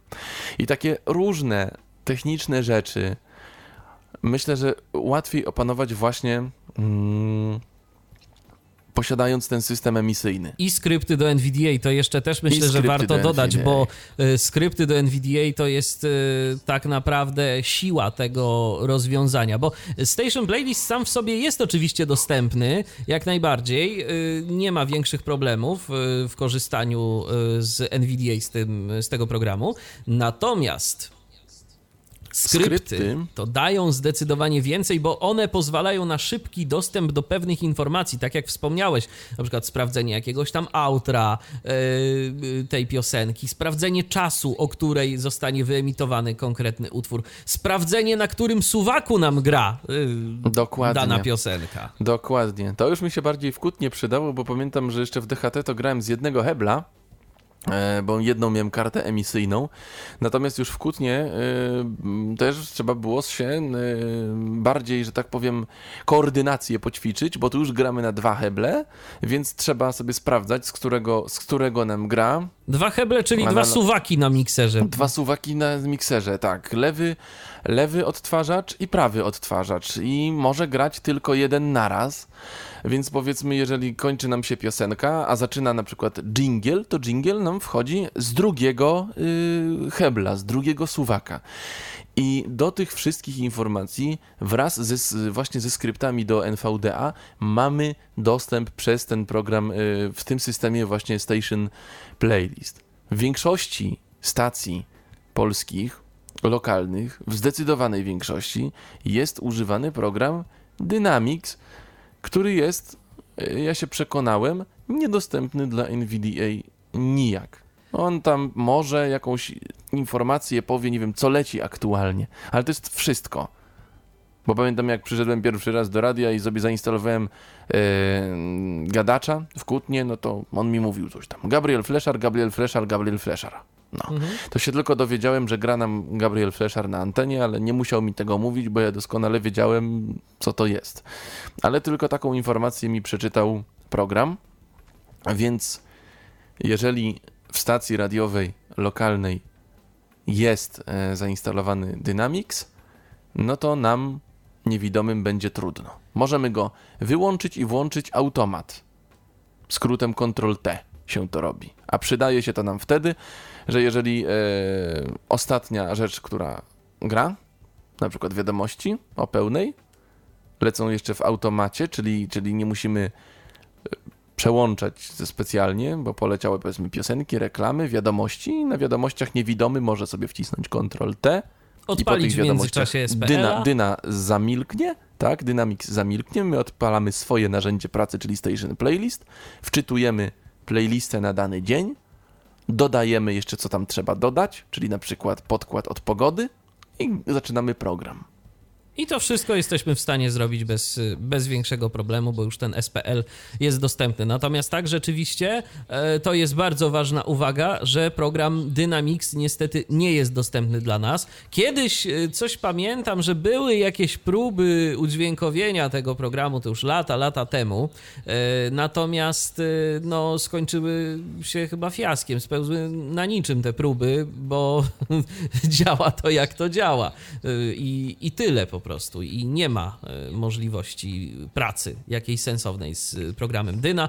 Tak jak mówiłem i podkreślę to jeszcze raz, jedynym sensownym dla nas e, narzędziem do pracy w radiu, do programem emisyjnym jest Station Playlist. E, Według mojej wiedzy, a spędziłem trochę czasu na szukaniu, na testowaniu, będzie z dobre mm, ponad 10 lat. Y, Jak nie z 15, y, to przetestowałem większość rzeczy, która, która jest dostępna i którą udało się gdzieś dorwać. Y, To niestety, no, Station Playlist to jest jedyne y, sensowne dla nas rozwiązanie. Być może gdzieś y, tam w Stanach Zjednoczonych czy w Wielkiej Brytanii są jakieś programy, które są jakoś dodatkowo skryptowane, ale to są, to są takie rzeczy robione na zamówienie. No jeszcze ewentualnie jest ten Radio Boss, tak, ale w porównaniu do SPL-a to zdecydowanie mniej nam daje możliwości tak na sprawdzenie tu i teraz, co się dzieje, bo nie ma skryptów. Tak jest. No więc jeżeli już mamy powiedzmy, y, no bo raczej o samym SPL-u nie będziemy się No aż nie tak będziemy bardzo się rozwodzić tak na temat SPL-a, bo to tak, podcast, podcast jest. by Podcast jest, jest. to SPL-u, więc jeżeli ktoś ma ochotę tak się przynajmniej zapoznać mniej więcej z czym to się je, to odsyłamy do Tyflo Podcastu. Y, Są audycje na temat y, Station Playlist Studio, na temat Station Playlist y, kreatora. Y, Wystarczy sobie poszukać. Ale to teraz w takim razie, Edwin, ja bym chciał zapytać Cię właśnie już y, o ten kolejny etap y, Twojej radiowej drogi, bo tak, Radio DHT, Radiem DHT grałeś, prowadziłeś audycję, y, natomiast no w międzyczasie jednak już jakieś tam starania czyniłeś, żeby pójść dalej, tak? Bo okazało się, że w pobliżu Twojego miejsca zamieszkania, czyli właśnie w Kutnie, ma powstać lokalne radio. No właśnie wtedy jeszcze w pobliżu, bo chociaż pochodzę z Kutna, no to wtedy mieszkałem mm, z rodzicami 25 kilometrów, tak powiedzmy, od Kutna, no w okolicach. No i dowiedziałem się właśnie tak jakoś w 2016, zdaje się, roku, że jest konkurs, konkurs na, na, to, na tą częstotliwość, na tę częstotliwość 100, 107 FM. Więc y, zacząłem przeglądać forum y, dyskusyjne i tutaj myślę, że mm, można sobie na to forum zaglądać, forum.radiopolska.pl i tam mniej lub bardziej branżowe informacje się pojawiają, no to jest ogólnie forum wszystkich pasjonatów radia, no i radiowcy też tam się wypowiadają, mm, słuchacze, nadawcy, technicy. To jest takie forum z, właśnie ogólnopolskie związane z radiem, Radio Polska. I na tej Radio Polsce mm, dowiedziałem się właśnie, że jest w Kutnie wolna częstotliwość. Oczywiście byłem sceptykiem, bo jak przeczytałem, kto, kto się stara, kto się ubiega, to pomyślałem, a pewnie dostanie jakieś, jakieś złote przeboje, jakaś SK albo RMF Max i tyle lokalności będzie. Ale no, jednym z starających się była, e, byli właściciele Radia Sochaczew, i to właśnie e, firma e, firma firma Pawła i Iwony Skumiałów, czyli właśnie właścicieli Radia Sochaczew, wygrała ten konkurs i to, i to właśnie Radio Sochaczew stało się tym radiem, które wzbogaciło się o nową częstotliwość, albo firma nadająca Radio Sochaczew wzbogaciła się o nową częstotliwość i o nowe miasto, i jak się okazało, o nowe radio. Dlatego, że okazu- okazało się e, z pierwszego z artykułów, że właściciele chcą stworzyć od podstaw lokalne radio z prawdziwego zdarzenia w Kutnie. No i już była nawet nazwa Radio Q. I kiedy ja się dowiedziałem o tym, mm, szczerze powiedziawszy, nie, to nie była jakaś taki, wiesz, przejaw euforii. Ja tam będę pracował.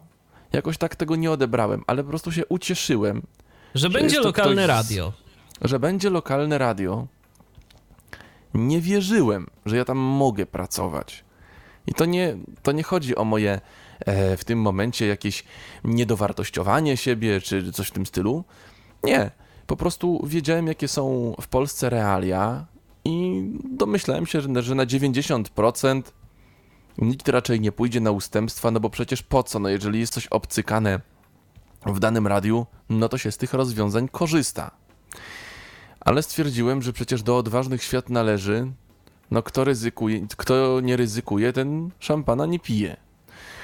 No więc powędrował mail do, do pana Pawła, do prezesa Radia Sochaczew, z takim może trochę nieudolnym, jeszcze takim trochę niezdarnym CV, no bo to miała być pierwsza taka już poważna praca, już nie w jakieś yy, powiedzmy o dzieło, nie w jakichś takich telemarketingach, gdzieś tam próbowałem, jakichś ubezpieczeniach, tego typu rzeczy, ale to takie, no powiedzmy, że to, to, to, to, to dawno i nieprawda. Tutaj miała być pierwsza praca, znaczy miała być. Wyszedłem z inicjatywą, I to jeszcze taka praca w zawodzie, który powiedzmy sobie szczerze, który no, chciałbym część, wykonywać. Oczywiście część osób bardzo by chciała wykonywać, ale niewielu to jest dane. z No niewidomych. Tak. Niewielu to jest dane. I stwierdziłem, że mimo wszystko zaryzykuję, ale z pewnym ale.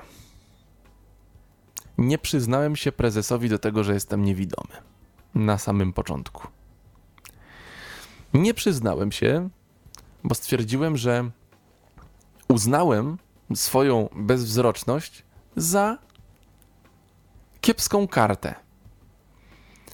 Swoją dysfunkcję uznałem za kiepską kartę, dlatego stwierdziłem, że jak się chcę pokazać z jak najlepszej strony, ja napiszę, panie prezesie, to co umiem, to co potrafię, a nie to, co jest moją słabą stroną i zobaczymy. Zawsze potem i tak to wyjdzie i będzie, Dokładnie. będzie można się potem martwić, tak? Jak, jak prezes okaże się człowiekiem gdzieś tam, który jest w stanie docenić to, co potrafisz, no to, to okej, a jak nie, no to, to i tak trudno, no i tak by z tego nic nie wyszło. No i okazało się, że prezes oddzwonił.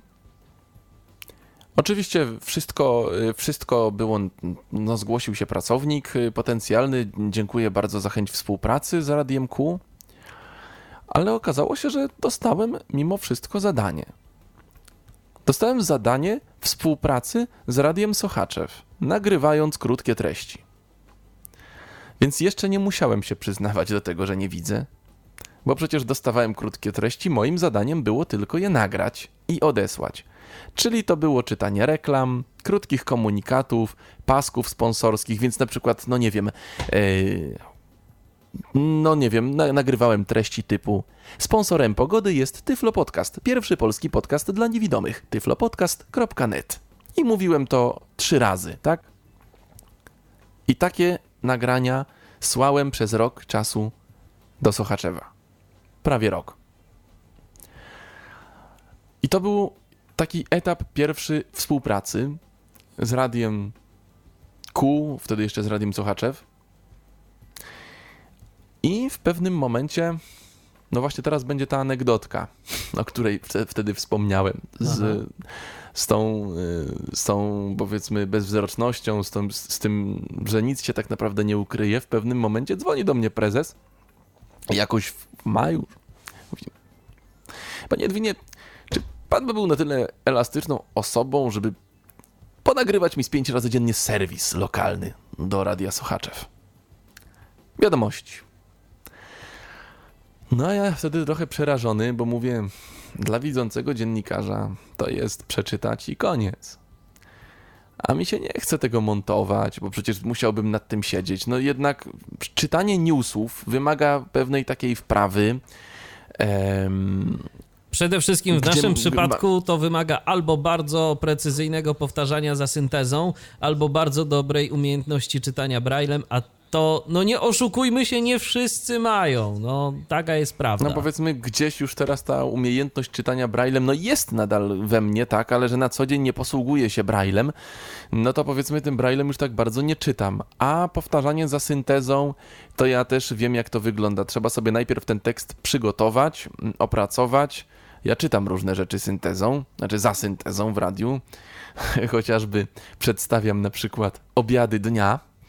E, tak, mamy taki, mm, taką rubryczkę sponsorowaną i mówię słuchaczom, co jest dzisiaj na obiad, ale czytanie newsów, gdy trzeba to zrobić w sposób bardzo profesjonalny, szybki, rzetelny i dziennikarski i przeczytać w newsa w taki sposób, żeby on był dobitnie przekazany słuchaczowi. Najlepiej takim tonem radiowym, szybko, zwięźle i na temat.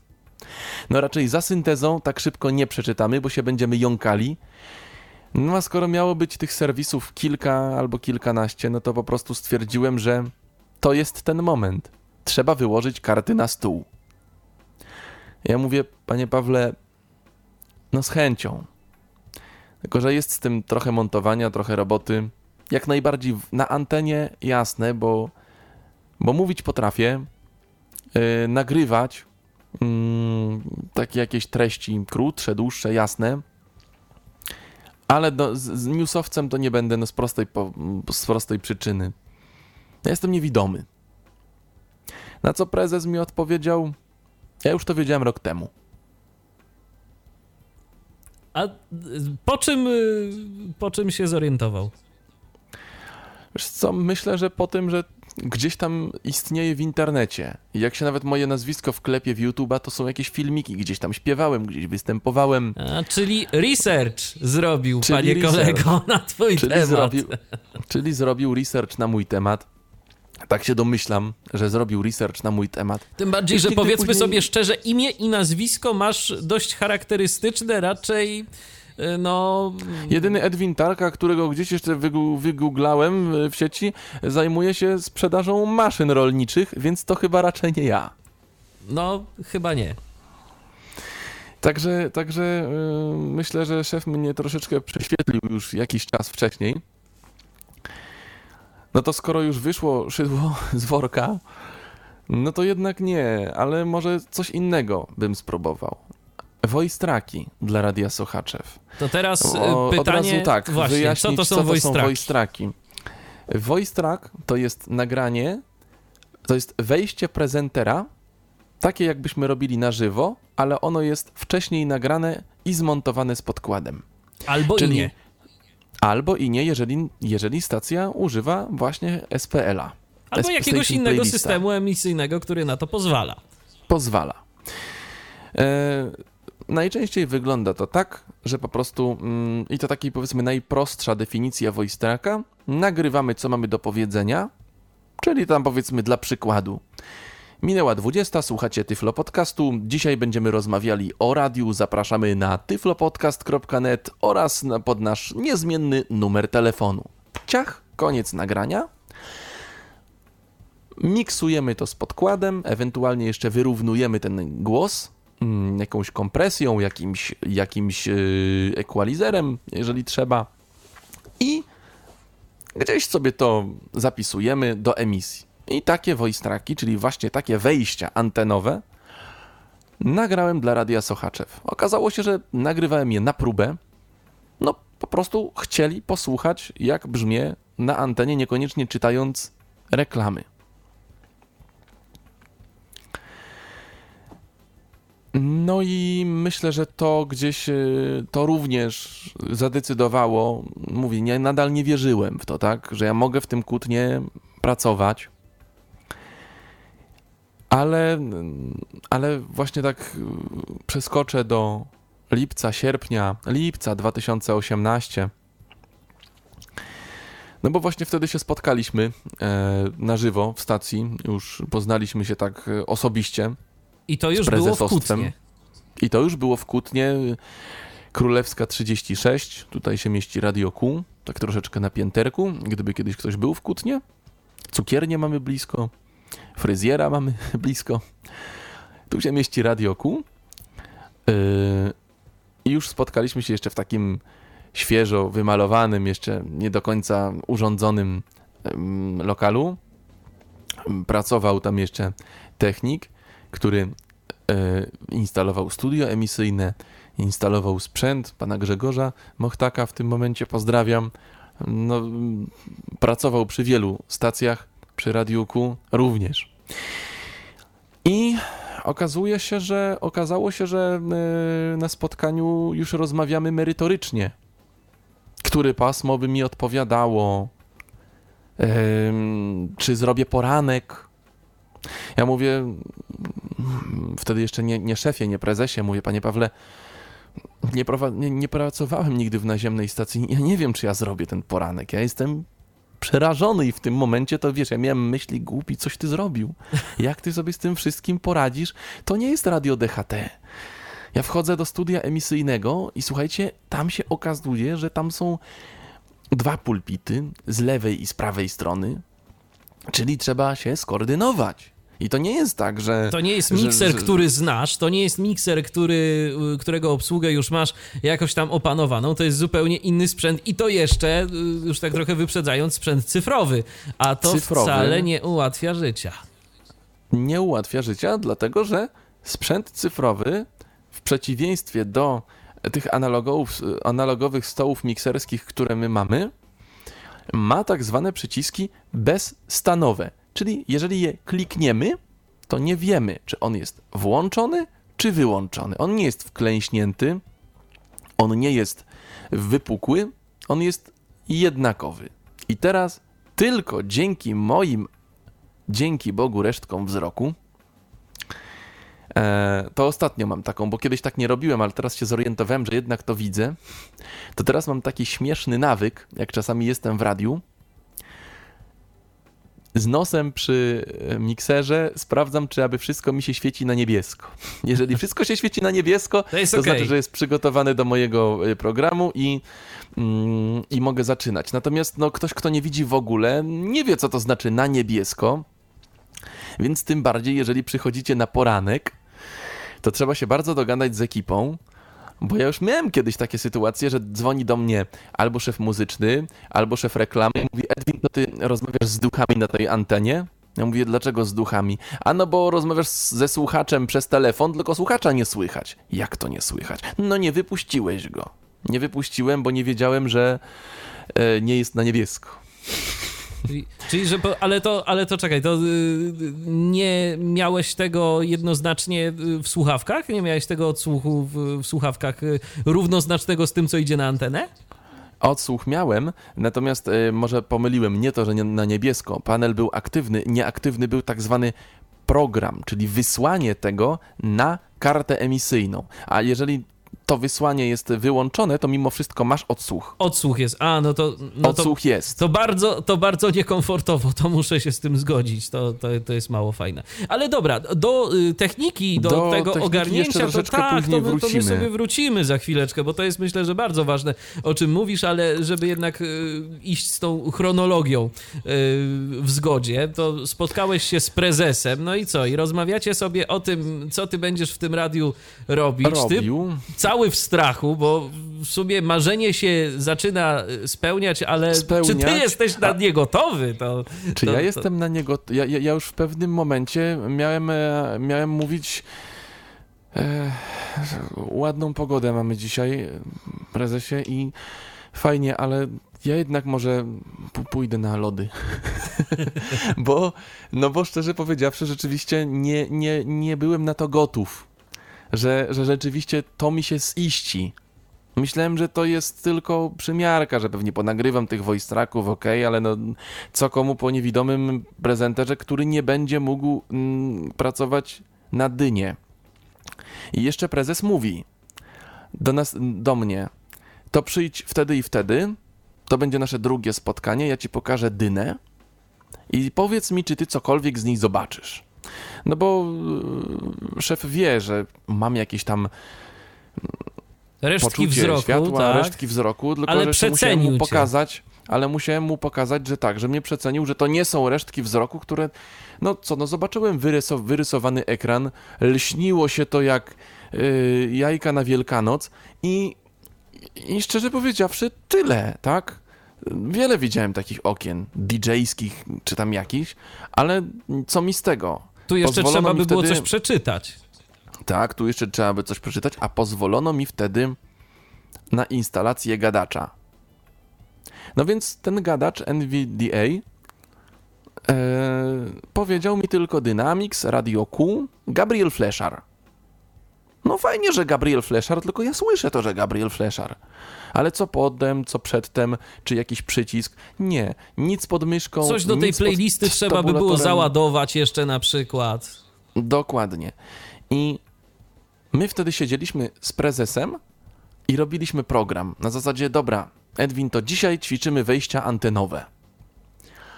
Tu masz heble, suwaki. Znaczy, na suwaki w radiowym żargonie mówimy heble, więc będę mówił heble.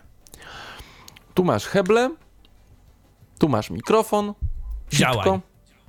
Działaj. Kończy ci się zaraz Pet Shop Boys. Dobrze. No to mówię. To jest emisja testowa, bo, bo to już to spotkanie mm, takie mm, e, właśnie z, z, z próbą, to już było nasze trzecie spotkanie nawet chyba. Drugie to było pokazanie mi dyny, ale jeszcze wtedy to, to radio nie grało, a później już przyszedłem, jak była emisja testowa w sierpniu, na początku sierpnia, nadal nie dowierzając, że będę pracował.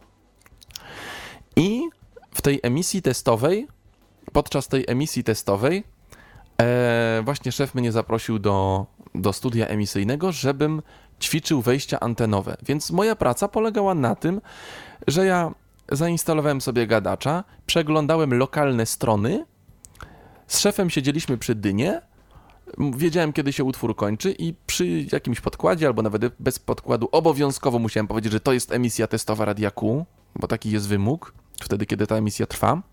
I kiedy jest testowa. Tak. I przez jakieś dwie czy trzy godziny prowadziłem taki jeszcze troszeczkę niekomfortowy, ale program. Żeby się po prostu oswoić z tym wszystkim. Oswoić. Niekomfortowy, no bo wiadomo, nie realizowałem go, tak? Szef mnie poniekąd realizował, e, wiedział, kiedy ja podnoszę hebel, no to wtedy wypuszczał kolejny numer. Więc to tak, tak jeszcze, no, tak sobie pomyślę, pomyślałem, kurczę, gdyby to tak miało jednak wyglądać, to to, To tak kiepsko. trochę kiepsko, to albo niech ktoś mnie realizuje, albo, no albo, no nie, nie będę. No i dobrze, te, wyjś, te wejścia e, potrenowałem. Mm, Właśnie lokalne radio, no to od razu dodam wszystkim lokalność. Pamiętajcie zawsze o lokalności, czyli mówimy o imprezach, o wydarzeniach, mm, no, o polityce, bardziej o samorządzie, no, o tym, co się dzieje w mieście, w okolicznych wioskach, gminach. To jest bardzo ważne, bo to mają lokalne radia w koncesji. Jeżeli chodzi Więc- o te kwestie polityczne, to bardziej chyba nawet, bardziej chyba zajmują się tym mimo wszystko dziennikarze. Lepiej, żeby prezenter się do polityki może niekoniecznie mieszał, tak? To bardziej jakieś wywiady z politykami, ale, Tak, ale w te tak, tematy tak, takie na- polityczne, lokalne to się chyba aż tak bardzo nie wchodzi. Co? Nie, nie wchodzi się, ale na przykład y, coś, co jest faktem, że na przykład ym, rusza, rusza kolejny kutnowski ym, budżet obywatelski i zgłaszajcie swoje projekty, o tym mogę. Owszem. Bo to jest y, takie lokalne, samorządowe, więc może nie to, że polityczne, że tam, y, ale jeżeli na przykład prezydent miasta albo jego zastępstwa, zastępca coś o jakiejś inwestycji powiedział i on to powiedział publicznie, to jest opublikowane, stało się faktem, ja to mogę przytoczyć. Już może nie muszę komentować, czy ja lubię prezydenta, czy nie, czy ja lubię te inwestycje, czy nie. Nawet byłoby ale- to mimo wszystko chyba jednak niewskazane, Dokładnie. tak? Chyba, że większość mm, mieszkańców chwali i to jest coś naprawdę dobrego, no to też gdzieś tam można to troszeczkę zaaprobować, że no, rower miejski czy tam nowa fontanna, no będziemy Dobra mieli rzecz. ładnie na rynku. Tak, Mhm. dobra rzecz. Więc y, takie lokalne wejścia, mm, oczywiście dostałem już pierwsze uwagi, takie właśnie językowe. To też dla przyszłych radiowców. Często mówimy, i teraz nie dość, że się chcę mądrzyć, ale to taką właśnie szef mnie nauczył. Często ludzie mówią, wybiła godzina. Trzynasta. Nie, trzynasta nie wybiła. Zegar Minęła. y, wybił tę trzynastą. Trzynasta mogła minąć albo być. Jest trzynasta, minęła trzynasta, na zegarze trzynasta, ale to nie godzina wybiła, tylko zegar wybija godzinę. To była pierwsza lekcja od y, szefa, którą dostałem, antenowa. Także nie wybija godzina, tylko zegar wybija godzinę. Y, I mm, no rozgadałem się, ale jeszcze może dokończymy temat. Nie wiem, czy możemy za chwileczkę liczyć na jakąś małą przerwę muzyczną? Dobrze, jak najbardziej, jak najbardziej. Zaraz tu to coś za chwileczkę, zorganizujemy. Za chwileczkę może zorganizuj. Aha. Natomiast ja jeszcze do, dokończę, dokończę temat, temat tej prze, przed, przedpracowy, przedprezenterski. Dobrze. No pewnego dnia, już nie pamiętam, bo wiem, że tak prywatnie w tym momencie to zabrzmi. My się wiedzi, widzieliśmy przecież w sierpniu Owszem, w tamtym roku. owszem. Tak. I teraz nie pamiętam, czy to było przed naszą wizytą, czy po, ale ja dostałem telefon od y, prezesa. Edwin, przyjeżdżaj w piątek do stacji, będzie tam technik. Proszę cię bardzo, instaluj SPL-a, Station Playlista swojego, działaj i ściągaj serwisy, wiadomości, montuj i proszę zrobić mi 3 godziny programu. Fakt dokonany, to, to ma być zrobione. I co ty na to? No i ja wtedy tak mówię, prezesa nie ma. Tego technika ja nie znam. Raz mi dzień dobry powiedział. Ale mówię, skoro może mi trochę pomóc, no to dobra. Działamy. Chociaż byłem i zaskoczony, i przerażony, i ucieszony, i po prostu to było tysiąc emocji.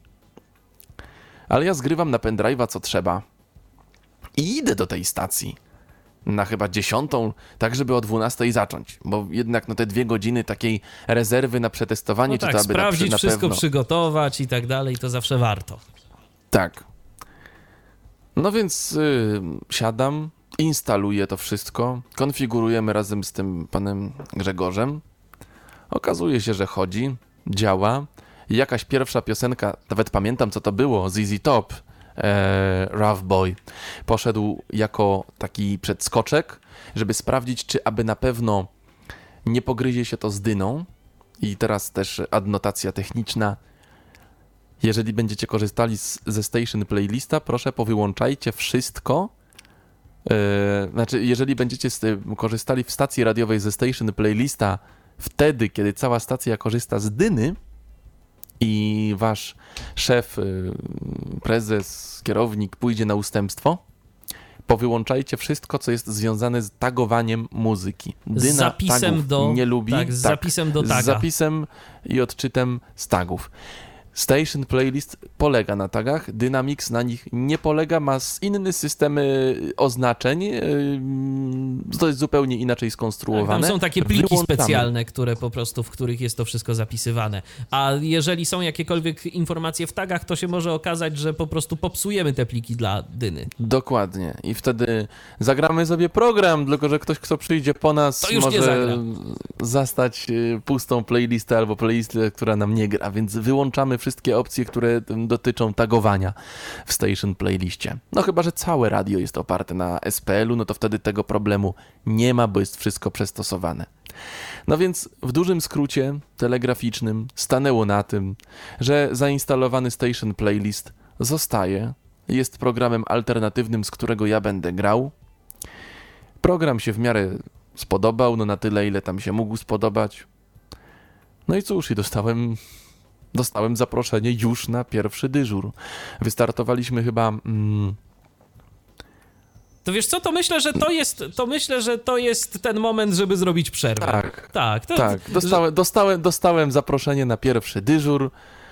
No i już później, może po przerwie, jak te dyżury wyglądały. Dokładnie. Szczegóły za chwilę, za moment sobie o tym wszystkim opowiemy. Ja przypominam, że dziś moim gościem jest Edwin Tarka. Rozmawiamy o pracy jako radiowiec. Tak, o pracy w radiu, zawód radiowiec, tak by można było określić temat dzisiejszej audycji. 123 834 835. Jeżeli chcecie o coś zapytać Edwina, to śmiało możecie dzwonić, a my teraz robimy sobie odrobinę muzycznego wytchnienia. Wracamy do Was już po przerwie. Słuchacie cały czas Tyflo Podcastu na żywo na antenie Tyflo Radia. Dziś o radiu rozmawiamy z Edwinem Tarką.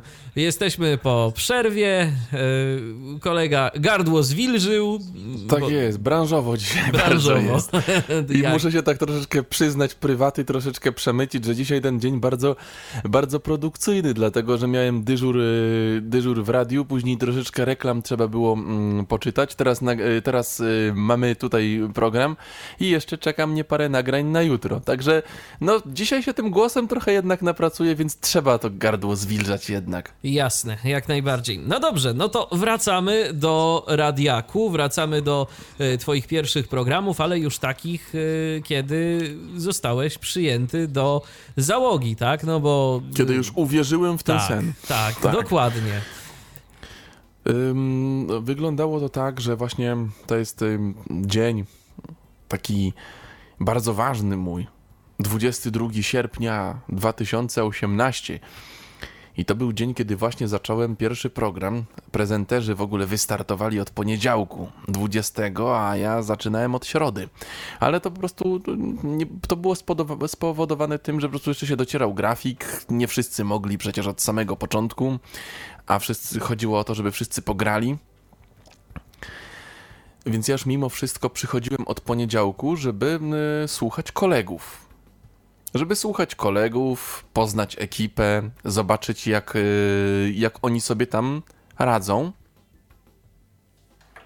A na swój program przyszedłem właśnie w, e, w środę. Jeszcze kolega sobie żartował ze mnie.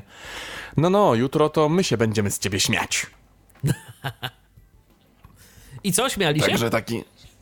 No, nie powiedziałbym, no bo Może śmiali się z, z poczucia mojego humoru, natomiast chyba technicznie nie było to aż tak źle. Natomiast no zawsze były jakieś tam wpadki, jeszcze jakieś dziury antenowe. No to jest żywe radio. To jest żywe radio i to jest, y, to jest po prostu coś, co troszeczkę też czasami się szyje, jak to się mówi. Więc, więc, więc przyszedłem. Siadam za tą konsolą. Trzeba przede wszystkim napisać post na Facebooka, wstawić zdjęcie. Zdjęcie to jest też, y, to jest też właśnie, bo my mamy taką politykę, że w stacji, że każdy program, albo prawie każdy, no wita się prezenter z, ze słuchaczami i wstawia jakieś zdjęcie, które dotyczy danego dnia, danego święta, jakiegoś wydarzenia, może lokalnego, może światowego, ogólnopolskiego. Od razu podpowiem, że jest taka strona Pixabay, przez x i y, p i x a b ay.com i tam są takie zdjęcia poglądowe, które możemy po prostu za darmo wykorzystywać na, na, na profilach stacji. One są takie Creative Commons, że się tak wyrażę. Więc wstawił, wstawić zdjęcie, jak, no, ty sobie, wszystkim... jak ty sobie z tym radzisz? Wyszukujesz, nie czy prosisz sobie. o kogo, nie, kogoś nie o pomoc? Prodzę, pro, proszę, proszę kogoś o pomoc, żeby nie wstawić jakiegoś e, przeciętniaka albo jakiegoś w ogóle kitu na, na, tego Facebooka radiowego, więc proszę o pomoc e, kolegów ze stacji, żeby coś mi fajnego wyczarowali. No i rzeczywiście mm, po, pierwsze programy wyglądały tak, że jeszcze nie byłem do końca zgrany ze stacją. Wszyscy grali z dyny i mieli swoje playlisty. Ja tych playlist nie miałem, więc musiałem je tworzyć ręcznie. To było i błogosławieństwo, no bo przecież Edwin Senektarka wam tutaj zaraz zagra takie hity, że przysiądziecie. A z drugiej strony przekleństwo, bo trzeba jeszcze pamiętać o rzeczach, o których radiowiec pamiętać musi. Bloki reklamowe, części stałe programu, wiadomości. Na początku było tego mało, ale później zaczęło to wszystko dochodzić, więc trzeba było patrzeć na czasy, patrzeć na, mm, na to, ile utwory trwają. Myśleć, po prostu trzeba było myśleć. No, myśleć, co się gra i jak się gra. No tak, bo przecież też trzeba było zadbać o to, żeby jednak to, co ty grasz, było spójne w miarę możliwości z tym, co gra reszta. Żeby nie było tak, że przychodzi Edwin Senektarka i nagle zaczynają się dziać zupełnie inne rzeczy niż u całej reszty. Poniekąd, poniekąd troszeczkę i tak było, wiesz?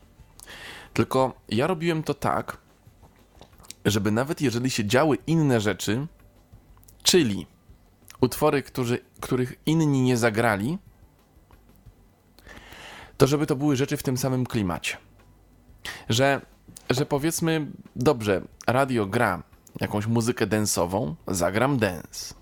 Radio gra coś nowego, zagram nowość. Radio gra jakieś takie starsze rzeczy z lat 80., albo jeszcze większe, takie bardziej oldowe. To i ja zagram. Ale szukałem, eksperymentowałem z tymi piosenkami. Niektóre może powinienem zagrać, niektóre może trochę mniej, bo, bo może trochę mniej znane, może nie przyjęły się na tego, ale wydźwięk był dobry. I nikt jakoś nie zauważył, żeby ten Edwin Senektarka odstawał od reszty, wiesz? Że nawet jeżeli. Czyli po prostu dorzucałem... jednak mimo wszystko udało ci się wpasować w to, co, co gra reszta. Niektórzy po prostu uważali, że jest to miła odskocznia i mi się wtedy miło robiło, ale raczej dostawałem pochwały za te playlisty, nieskromnie gdzieś tam mówiąc, niż jakieś nagany. Od czasu do czasu. A, no była taka mm, anegdotka, nawet słuchajcie, kilka mój pierwszy poranek, bo przecież mój pierwszy program no to był popołudniówka od 11 do 16, ale od razu następnego dnia trzeba było przyjść na 6 na poranek. No więc e, ja przezorny przyszedłem o 5, żeby mieć godzinę na to, ale okazuje się, że siadam przed klawiaturą, chcę włączyć skrótem gadacza, nie gada. Nic. I Milczy. problem. Mówię, ja nic nie zrobię. Telefon do szefa, chociaż jest piąta. Szefie, nie wiem, załamany jestem. No i naprawdę poczułem się załamany, bo mam zrobić poranek. Jestem tu drugi dzień, chciałem się wykazać. Ale jak ja mam zrobić ten poranek, skoro ten komputer do mnie nie gada? Edwin, to może same wejścia antenowe. Szefie, ale jak wejścia antenowe?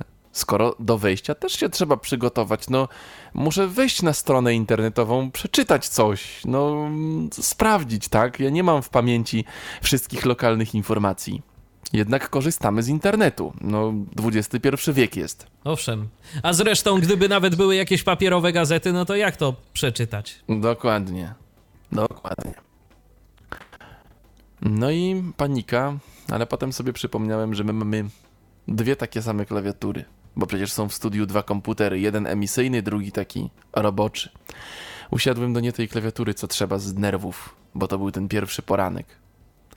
No więc jak już dorwałem właściwą i zobaczyłem, że to wszystko działa, no na szybcika, żeby to już tego, ale już wczytałem tę playlistę, Mówię, Prezes jedziemy. nie miał Gram pretensji, ten... żeś go obudził o tak nieludzkiej miał, porze? Miał. Tego samego dnia był w radiu i mówi, no słuchajcie, w radiu mamy już zegarynkę, już wiemy kto o piątej będzie nas budził. Ach. Edwin następnego ra razu dzwoń do Grześka, a nie do mnie. Tak, tak więc tak powiedział prezes, ale zanim to powiedział, no to już usłyszał yy, mnie na poranku, więc pewnie dostał sygnał, że oho, jednak sobie poradził. No i druga anegdotka była taka z tym niewpasowaniem się w resztę. No bo rozumiesz, nie grałem jeszcze nigdy poranka w stacji. I myślałem, że inwencja należy do mnie, więc stwierdziłem, że skoro jest 15 po 6, to ludzie chcą jeszcze spać. Więc ja zagrałem jakąś bardzo wolną Abbę, po czym Alana Walkera Sing Me to Sleep. Aha. No i podczas kiedy grałem Sing Me, Sing Me to Sleep, drrt, prezes dzwoni. Edwin, fajnie, żeś sobie poradził z porankiem, ale to co gra to jest pogrzebowe, nieemisyjne i to się nie nadaje na poranek, bo mi ludzie w, w drodze do y, pracy zmienią stację. No i rzeczywiście to była nauczka na przyszłość. Później, nawet jeżeli układałem playlisty ręcznie, układałem je jakiś czas, przyznaję, to mm, no już jednak załapałem, że poranek gramy dynamicznie, ma być wesoło, to on nie musi być bardzo e, jakiś taki łupiący, densowy. Nie, Nie, muszą być same być- densy, po prostu chodzi o to, żeby ta muzyka jednak była w miarę możliwości tak, ona, energetyczna. ona ma być wesoła, energetyczna. To, mo- to mogą być jacyś, nie wiem, pretendersi, don't get me wrong. To może być jakieś, nie wiem, jakiś S-Club 7. No ale no, no nie wiem, no jest godzina szósta, chcemy wstać, no nie grajmy ludziom Foreignera I Wanna Know What Love Is, bo to jest ładny numer, ale nie, nie, na, nie, na, nie do wstawania z łóżka, tak? Więc po prostu takie niuanse i tego było dużo. Przede wszystkim realizacja wiadomości. Też pewne rzeczy trzeba było robić na, na wyczucie. No Przychodzili właśnie, do jak mnie... to, jest, jak to jest z wiadomościami? Yy, Ty czytasz serwisy? Nie czytam serwisów i nigdy tego nie czytałem. Całe szczęście. Mamy od tego dziennikarzy. Z wiadomościami wygląda to tak, że wchodzi do radia, do, do studia emisyjnego dziennikarz, siada naprzeciwko mnie i ja mówię, mm, no, albo zanim mu powiem o konkretnej godzinie, i tego też muszę przypilnować, to jest ważne zgranie. Przychodzi Kamil albo Paweł, tak mają na imię nasi dziennikarze, przychodzi na przykład o godzinie 12.30. Ja o tej 12.30, no może z małymi sekundami, muszę wypuścić wiadomości, więc muszę zadbać o to, żeby wszystkie wejścia, piosenki i reklamy do 12.30 zmieściły się w tym czasie. A jak jest na przykład z dodatkowymi dźwiękami? No bo przecież są e, dodatkowe dźwięki w wiadomościach czasem, jakieś e, informacje takie, które zbierają reporterzy. E, Ty to emitujesz, czy to już dziennikarz jest za to odpowiedzialny, za wypuszczanie tych dźwięków? Ja y, tylko dziennikarza realizuję, więc kiedy on siada naprzeciwko mnie, przed mikrofonem, zakłada słuchawki, ja podnoszę dwa heble. Hebel od, y, hebel od mikrofonu dziennikarza i hebel od drugiego komputera roboczego, na którym w programie, on się czytacz nazywa, w programie czytacz jest i serwis i już y, powrzucane tak zwane setki, czyli te materiały zebrane przez reporterów. I dziennikarz czyta sobie newsy, klikając myszką wypuszcza te setki. No tak, bo y, tu też widzę pewien problem, z, y, który mógłby być ze zgraniem, tak? Bo ewentualnie oczywiście ty y, mógłbyś i czasem tak się robi przecież, że jak jest realizator, to on wypuszcza też te dźwięki serwisowe, tak zwane, ale bardzo często jest tak, że się daje różnego rodzaju znaki, tak? Że teraz na przykład, że tam temu realizatorowi machniesz jakoś ręką, a tak to musiałbyś wszystko robić na wyczucie, tak? Że ty byś musiał wiedzieć, kiedy klep klepnąć w ten enter y, i kiedy wypuścić ten dźwięk. No tak, ale właśnie dlatego tutaj nie robimy tego na wyczucie. Setki, kiedy ja wypuszczam, robię to świadomie. Wchodzi dziennikarz i na przykład mówi: Edwin, masz tutaj prezesa y, jakiegoś tam zakładu, czy tam masz tutaj prezydenta miasta nagranego, weź go tam podprowadź i, i wypuść. Co to znaczy podprowadź? To znaczy, że jest napisana właśnie tak zwana podprowadzka, czyli czego będzie dotyczyło, e, dotyczyła ta relacja. Ja to czytam na antenie, po czym sam wypuszczam ten dźwięk. I to jest wtedy moje wejście lokalne. Dziennikarze coś przygotowali, można sobie to wykorzystać tak y, po prostu nie w wiadomościach, jako element nie w programu. serwisie. Jako element programu. Natomiast serwis realizuje sobie dziennikarz, czyli swoje setki, które, które wypuszcza.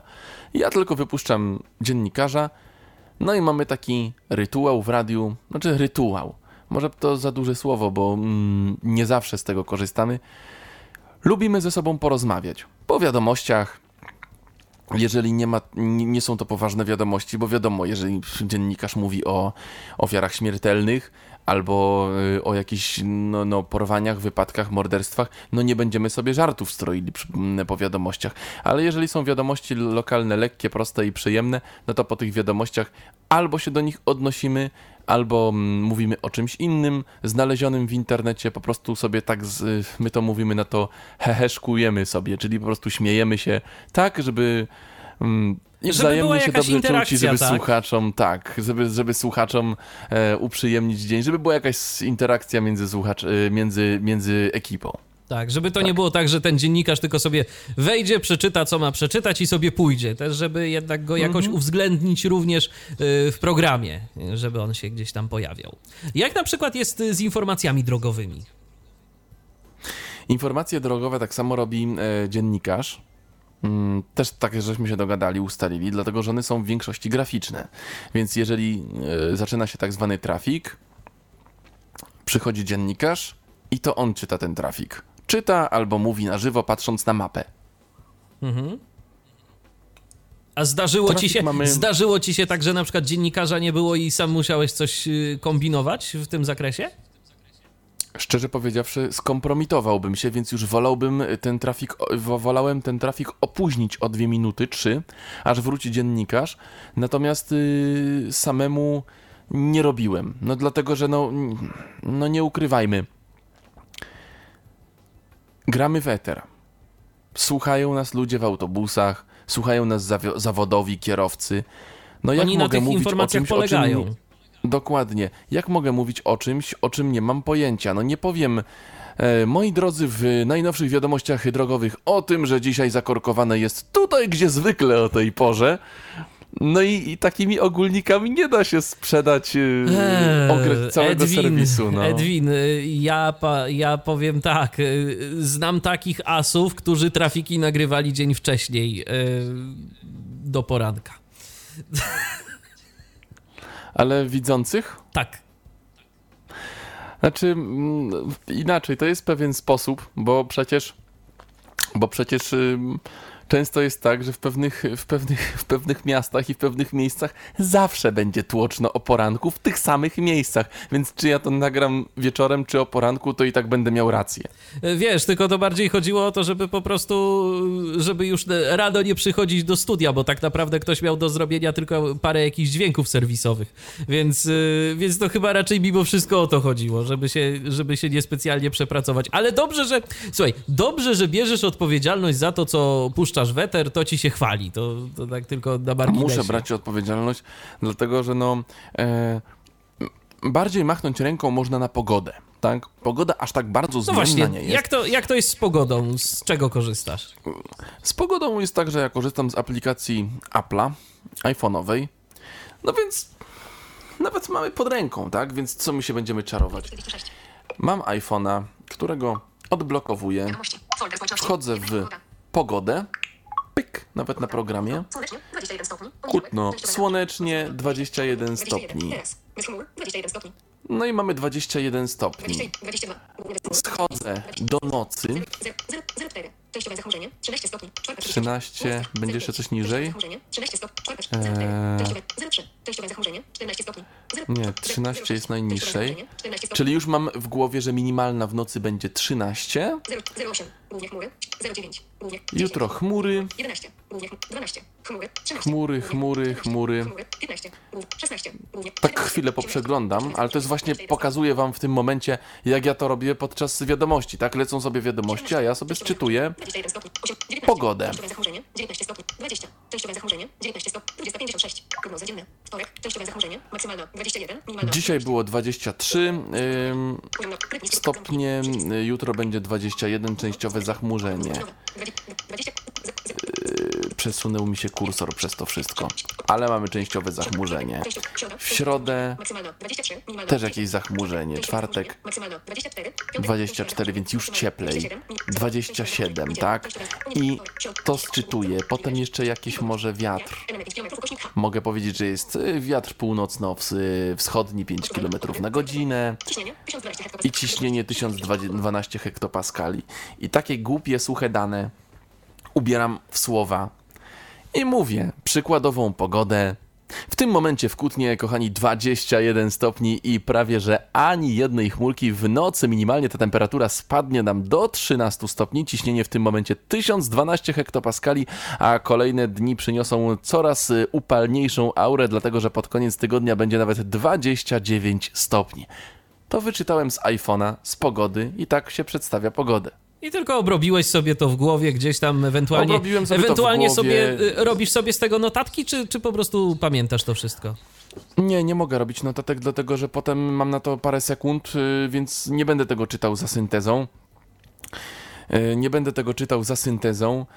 Obrabiam to ewentualnie w głowie, ewentualnie dorzucam coś prywatnego, tak? Idealna pogoda na spacer, czy tam na grilla, ale to to już tak y, powiedzmy y, dodatkowo, ale no, no ważne jest to konkret, tak? Konkret, temperatura, ciśnienie, to czy pada, to czy chmury, to czy słońce. No mamy plus, że mamy blisko studia emisyjnego balkon, więc mogę sobie na ten balkon wyjść i zobaczyć, czy świeci słońce, czy, czy wiatr wieje, czy, czy może właśnie zaczęło padać. Mhm, jasne. Także pogoda, pogoda y, z odczuć, ale przede wszystkim z telefonu. Z telefonu. Y, No i co? Jakieś jeszcze informacje lokalne, które zbierasz zapewne korzystając z różnego rodzaju portali internetowych, lokalnych, I jest trochę. społecznościowych, tak, i Mhm. mediów społecznościowych, i portali internetowych.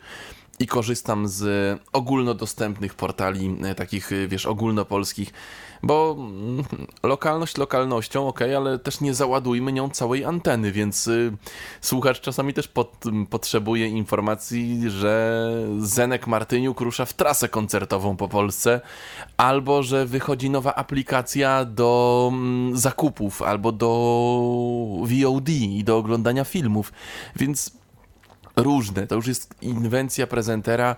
To, co Cię interesuje, o tym robisz sobie wejścia, pamiętając o lokalności. Żeby Możesz o odbierać nie telefony od słuchaczy. Tak, tak. No tak, właśnie, tak. i teraz, teraz porozmawiajmy może trochę o technice znowu, bo y, porozmawialiśmy już o programie do emisji, o SPL-u. Y, To teraz ja chciałbym Cię trochę podpytać o to, co tak naprawdę mamy w studiu. No na przykładzie studia Radia Q, z jakim sprzętem y, masz do czynienia i jakie związane z tym sprzętem masz na co dzień wyzwania? Przede wszystkim jest to bardzo fajnie wy, wyciszone studio. To muszę przyznać, pochwalić. Studio przestronne z bardzo dużym stołem, przy którym no gościć by się można, ale to jest jednak studio emisyjne, wygodne zresztą. No i punktem jakby odniesienia, punktem centralnym jest szafa. Szafa zwana przez nas właśnie w, w ten sposób, dlatego że no jest to szafa, w którym stoją komputery, w którym stoi hybryda telefoniczna, czyli takie urządzenie mm, no właśnie do odbierania połączeń, do zarządzania tym na antenie. Jest serwer, na którym są gromadzone wszystkie pliki, bo komputery są połączone jakby w sieć i mamy dostęp do serwera, więc zrzucamy stamtąd różne newsy, różne, mm, różne właśnie setki, różne informacje lokalne. No i inne techniczne urządzenia typu kodek, którym się dosyłamy gdzieś tam na komin, tak? Czyli do nadajnika po prostu. do nadajnika, tak. Na co dzień używam dwóch komputerów. Używam tej właśnie hybrydy telefonicznej, e, którą to wykonuję i odbieram połączenia.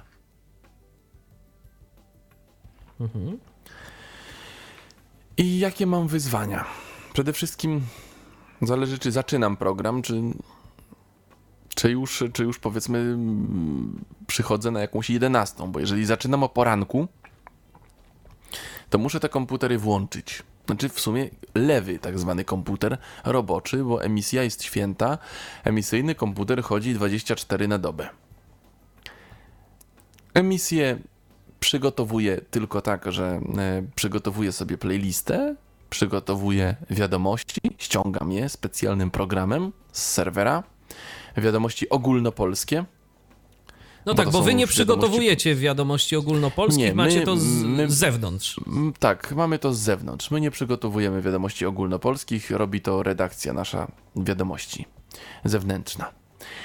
Więc trzeba to ściągnąć, trzeba to przygotować, wrzucić na playlistę, ogarnąć pogodę. W międzyczasie włączyć drugi komputer. Mam do niego właśnie też klawiaturę, jedna leży nad drugą.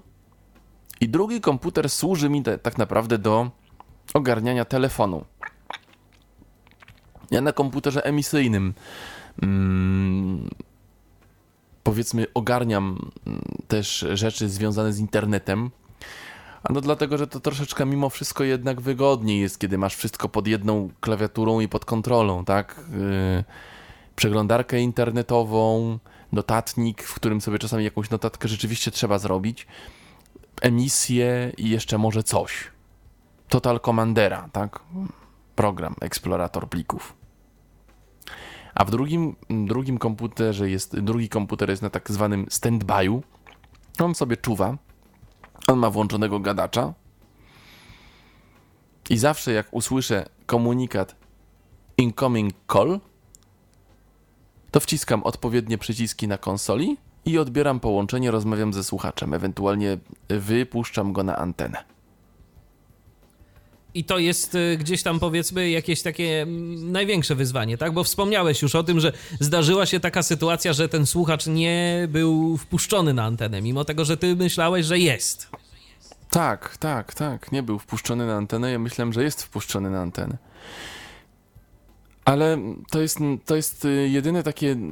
Znaczy inaczej, bo chodziło po prostu o to, że nie do końca dogadałem się z ludźmi właśnie w emisji, w radiu, w ekipie e, na początku i to wyglądało właśnie tak, że coś było niewciśnięte, coś było zostawione nie po mojemu. No i niestety takie kwiatki czasami wychodzą. Ale to wyzwanie, te wyzwania, które są mm, z emisją związane, to też to nie jest tak, że to jest do, nie do przeskoczenia. To jest gadacz, jest program do tej, do obsługi hybrydy telefonicznej i wszystko możemy sobie ogarnąć. Bo ten program jest, jak rozumiem, dostępny. Tak, on jest dostępny. Trochę trzeba pomyszkować, w sensie tą myszką NVD-owską, po, pomanipulować przy nim, ale on jest jak najbardziej dostępny i on wydaje komunikaty. Komunikaty na zasadzie właśnie przychodzące połączenie, albo że dzwonię i tak dalej, i tak dalej. Więc na początku to było nie do ogarnięcia dla mnie. Trzeba było zainstalować dodatkowy mikser w studiu, który będzie spinał ze sobą dwa komputery, więc ja przez parę miesięcy tej hybrydy telefonicznej nie odbierałem. Ale już później y, zostało to ogarnięte. Jest taki właśnie dodatkowy mikser. No i to po prostu gra. I wszystko gra. I wszystko gra tak jak kiedyś grało w radiu DHT, tak teraz gra w radiu Q. Natomiast ym, no te wyzwania są takie różne, wiesz, bo sytuacji też jest dużo. Robimy czasami plenery, kiedy trzeba coś wypuścić, kiedy trzeba podnieść ten dodatkowy hebel, trzeba na przykład wyłączyć program, żeby dostać się, skomunikować się z kimś poza anteną, ale żeby niekoniecznie szło to weter. No tak. Także bardzo ważne jest to, żeby to wszystko ogarniać i robić to szybko. Znaczy no bo- w miarę tak sprawnie. Bo to, wsi- żeby to nie bo to się było- wszystko dzieje tu i teraz, to jest program na żywo, to nie nagrywasz y, tych wejść wcześniej, robisz to wszystko na żywo, ty jesteś y, w tym studiu i musisz sobie z tym wszystkim radzić. Dokładnie. Ty to robisz na żywo, ty to robisz tu i teraz i, i nie ma tak, że no, no wpadka. No dzisiaj mi się taka wpadka z, zdarzyła, ale to nie powa- znaczy nie jakaś y, nic poważnego, po prostu kilka sekund było ciszy i tyle. Po prostu tak przyszedł dziennikarz, zagadaliśmy się, a ja zapomniałem, że to już.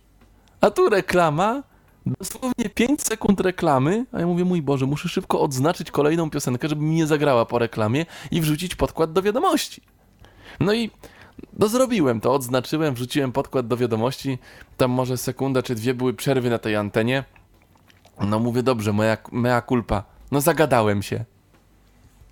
Y, Czy takie różnego rodzaju wpadki są od razu jakoś dość szybko zauważalne przez kierownictwo i to od są- razu telefon nie, dostajesz, czy nie? Nie, nie, nie, to nie jest aż tak. No ale grunt, żeby tego... Mm, za dużo nie Znaczy, było? Oczywiście kiero- kierownictwo straszyło na początek, tak? Będziemy wymagać, żeby nie było dziur, że będzie po pensji, jeżeli będą i w ogóle. Nie no, to nie jest tak, że ktoś ci jakiś taki błędzik antenowy mm, wypomni. Ale jeżeli się błędzik zdarzy raz na jakiś czas, Na przykład zagrasz kolendy będzie- w lipcu. no to jeżeli zagrasz kolendy w lipcu, to raczej już nie przyjdziesz na kolejny program. No, jakby y, mówię, mówię, o tym, co, mówię o tym, co się działo na początku waszych, waszych zabaw, bo słuchałem, więc... No to no, mieliśmy taką nieprzyjemną sytuację. Trochę mi było kolegi szkoda, bo, bo sympatyczny był yy, tak z usposobienia, natomiast no tak troszeczkę może mniej ogarnięty technicznie. No i coś mu się stało, że zagrał nam gdyś liczna panna w sierpniu. No właśnie, to w sierpniu był. W sierpniu. No ale to i tak, i tak świątecznie Trochę się za zrobiło wcześnie. wtedy, kiedy nie, nie powinno. Tak, tak, dla bo- ochłody. Tak dla ochłody, to powinno, jakby jeszcze zagrał Czerwone Róże, Róże są, to okej, bo się zbliżało Święto Róży, a tutaj jednak poleciała gdyś liczna panna. No ale, no ale powiedzmy dobrze, no to jest wpadka, która raczej nie powinna Dość się duża zdarzyć. już, powiedzmy no i, sobie szczerze. Tak, ale wpadka na zasadzie tak dziura na antenie, która trwa parę sekund, jeżeli nie zdarza ci się nagminnie, no to myślę, że nic ci się nie stanie.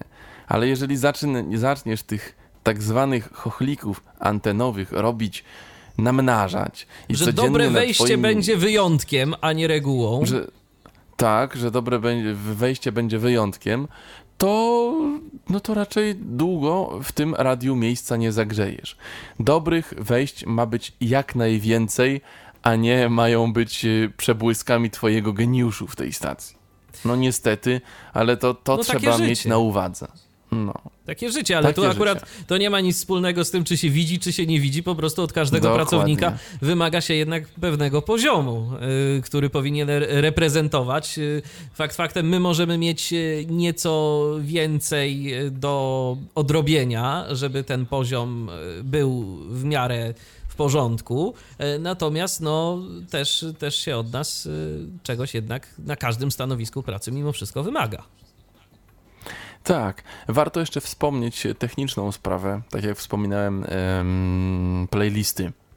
Playlisty nie były, nie współgrały i po prostu trzeba było napisać specjalny program, który konwertuje playlisty z Dyny na playlisty z SPL-a. Czyli po prostu już w pewnym momencie odszedł mi jeden obowiązek dodawania z ręki e, ręcznie muzyki i reklam. I bardzo się cieszę, że ten obowiązek mi odszedł, dlatego że o ile muzykę bardzo lubiłem dodawać z ręki, o tyle z reklamami był zasadniczy problem, tak? Jeżeli masz dwie czy trzy reklamy, no i one się określą, i one się nazywają tak, że je łatwo znajdziesz, to jest ok. Ale jeżeli jest tych reklam w bloku 10 i tych bloków jest mnóstwo, no bo w każdej godzinie 3, więc razy 5, no to masz 15 bloków. A te reklamy się często na przykład nazywają, no nie wiem, może być to reklama jakiegoś marketu, więc z datą, z podkreślnikiem, z jakąś tam literką. W tym się troszeczkę już ciężko odnaleźć. Więc mam na to swoje sposoby już teraz. Są pliki tekstowe, które można sobie przygotować na playlisty, ale na co dzień są to po prostu gotowe playlisty z reklamami. I to działa, sprawdza się, gram w ten sposób i ewentualnie czasami tam coś smaczek jakiś taki, tak? Ewentualnie coś, coś dorzucić, tak? Jeżeli powiedzmy, Dorzucić, masz usunę, taką, tak. masz taką inwencję, bo powiedzmy, y, wiadomo, no, y, jest w radiu, to jeszcze, to jeszcze też może powiedzmy, bo jest w radiu y, osoba tak zwanego dyrektora muzycznego, która odpowiada za Tak, to, która, jak która czuwa nad tym, co gramy. wygląda to brzmienie i jaka muzyka jest emitowana na antenie. I to też od polityki dyrektora muzycznego zależy, jak dużą prezenter ma swobodę. Generalnie dobrze jest, że jeżeli jeżeli dyrektor muzy- muzyczny tworzy playlisty, które trzeba modyfikować w dużym stopniu, to znaczy, że dyrektor muzyczny no, nie robi tego dobrze, tak? Bo jeżeli prezenterzy muszą poprawiać, powiedzmy sobie szczerze. Ale jeżeli, no tak, ale jeżeli na przykład to przynosi dochód stacji, jest słuchalność i te playlisty są ok, no i nie ukrywam, że w Radiu Q tak jest, bo, bo podoba się ta muzyka, to ja najczęściej, jeżeli, znaczy najczęściej, ja najczęściej gram y, już według playlisty, a jeżeli czasami coś poprawiam, to nie dlatego, żeby poprawić po dyrektorze muzycznym, tylko dlatego, że akurat no tak mi się trochę Tak byś zamarzyło, sobie żeby chętnie jednak, zagrał jakąś taką Tak, fajną że- piosenkę. Że ten utwór tak mi tu dzisiaj pasuje, a jeszcze o tej porze, no słuchajcie, no, no wejdzie, to jest dwa, 15 po południu, no, no jak znalazł, no. Także to są takie bardziej, mm, bo, bo myślę, że muzycznie to to naprawdę radio fajnie, dobrze stoi, ale po prostu czasami mam tak, mm, odzywa się we mnie gdzieś tam ta muzyczna dusza, że na zasadzie, kurczę, Lady Punk, stacja Warszawa, no, no dobry numer, no ale jak raz go nie zagram, to przecież nikomu nic nie stanie, każdego i tak zna. Zagram No, sobie co innego. coś in... Mm. No. Ale to jest powiedzmy no, gdzieś tam już teraz y, raczej sporadyczna rzecz. I to nie jest już teraz tak, że dostaje playlistę i 3 czwarte idzie do wymiany, bo Senek musi sobie poprawić po, e, po dyrektorze muzycznym. Nie. Raczej to są spo, spo, sporadyczne, sporadyczne rzeczy, które nie, wy, nie wynikają z chęci poprawy po dyrektorze, bo, bo nie musimy ze sobą rywalizować i po sobie poprawiać, broń Boże współpracujemy i często pod, pod, pod, podpowiadam naszemu dyrektorowi muzycznemu, co możemy na przykład jeszcze fajnego dodać do tej bazy, e, co się przyjmie i w ogóle. Natomiast bardziej z chęci, kurczę, podoba mi się numer, no tak bym wam go dzisiaj chętnie zagrał. No i grasz i po głowie za to nie dostajesz. Aż tak bardzo nie. Czasami, czasami jest na zasadzie, skąd się to tu wzięło? No, no stąd, no z palca, no wyczarowałem. No wzięło się. Wzięło Ale się. raczej nie, nie przeginam z tym, nie. No tak, bo to we wszystkim trzeba e, znać umiar. No właśnie, wspomniałeś o gdzieś tam współpracy, o tym, e, że czasem podpowiadasz e, dyrektorowi muzycznemu. To ja chciałem teraz zapytać o taki czynnik ludzki, bo już tak powoli zmierzając do końca naszej dzisiejszej audycji, no nie mogę o to nie zapytać. Jakie było przyjęcie ciebie jako no jednak osoby która się wyróżnia, powiedzmy, y, w pewien sposób y, dość nietypowy przez resztę redakcji. Nie było takiego jakiegoś, nie wiem, czy, czy lęku, czy niechęci y, takich rzeczy? Nie.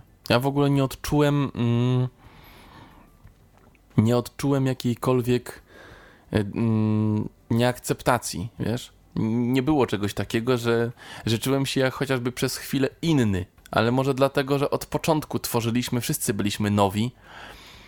Więc ja pamiętam pierwszy dzień, jak przyszedłem, tam szef mnie przedstawił, że to jest Edwin, będzie z nami współpracował.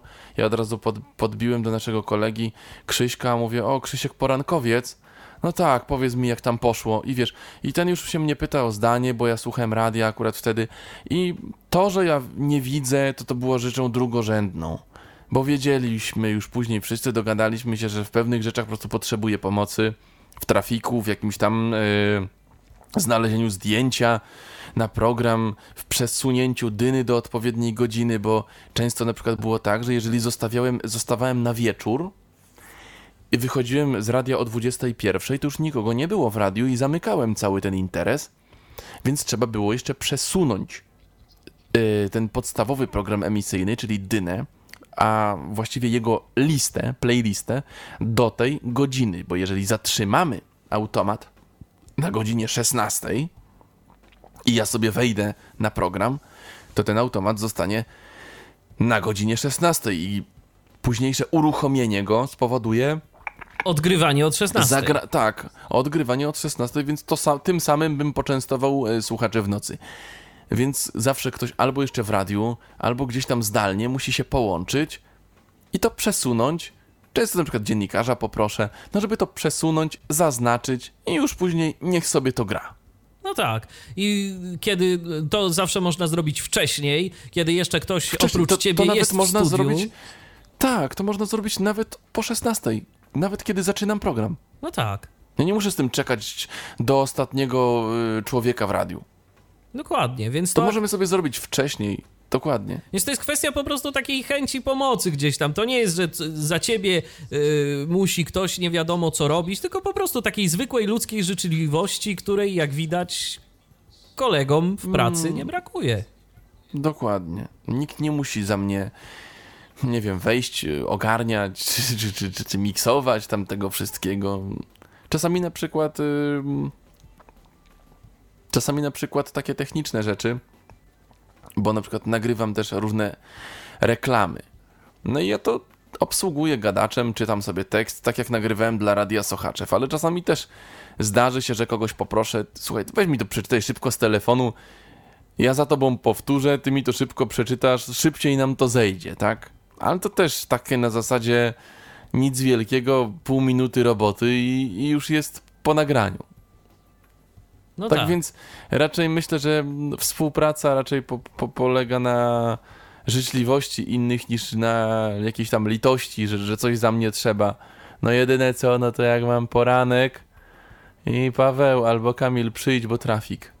No to, no to, no to może wtedy troszeczkę wcześniej muszą przyjść. Ale i tak, i tak muszą, i tak przychodzą, no bo, no bo jest serwis o 7.30, więc trzeba go przygotować. A trafik pierwszy jest o której? 6.45. Aha, no to faktycznie, no, no tak, wchodząc już do studia, to od razu mogą sobie przyjść i, i przy okazji zrobić trafik, tak? tak na dzień No, dobry, tak żeby się rozruszać. rozrusz, Tak jest. No. Edwin, y, niedługo minie rok, tak naprawdę. Jeszcze parę tygodni i będziemy Tak. mieli rok. Y, Będziemy mieli urodziny stacji. W ogóle zachęcam do odwiedzania Kłótna i do słuchania Radia Kłód, dlatego że mamy dla was niespodzianki też urodzinowe. Będą konkursy, będą nagrody, będą jakieś fajne atrakcje. No i właśnie niedługo tak to będzie, że będzie można jakiegoś szampana otworzyć za rok, rok pracy w tym radiu. Ja nawet nie wiem, kiedy mi to zleciało, wiesz. Było tyle pracowitych miesięcy leci ten czas.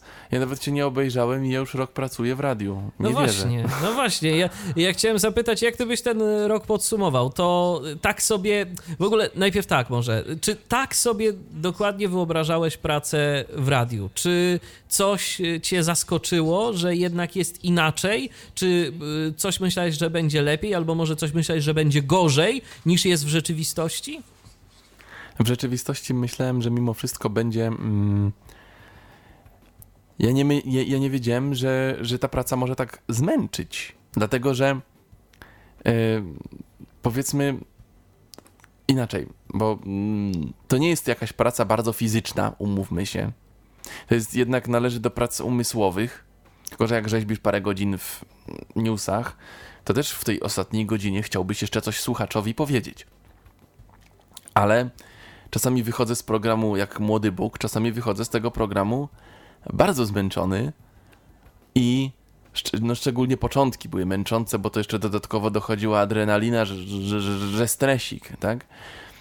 Ale ta praca, mm, choć fajna, choć przyjemna, ale jest w pewnym sensie trudna, bo bierzesz odpowiedzialność właśnie za to, co mówisz, chcesz wypaść jak najlepiej, i ja akurat jestem w tym momencie trzy tygodnie przed urlopem i czasami myślę, kurczę, ja kocham to radio, uwielbiam swoją pracę, ale przydałoby się trochę wolnego, bo ja chciałem, nie wiem, może gdzieś do Torunia wyjechać, do, do Lublina, do znajomych, gdzieś tam sobie tego, ale tylko po to, żeby naładować akumulatory, a potem do tych moich ukochanych słuchaczy znowu wrócić ze świeżą energią, ze świeżą głową i znowu mówić, tak, przez kolejny rok.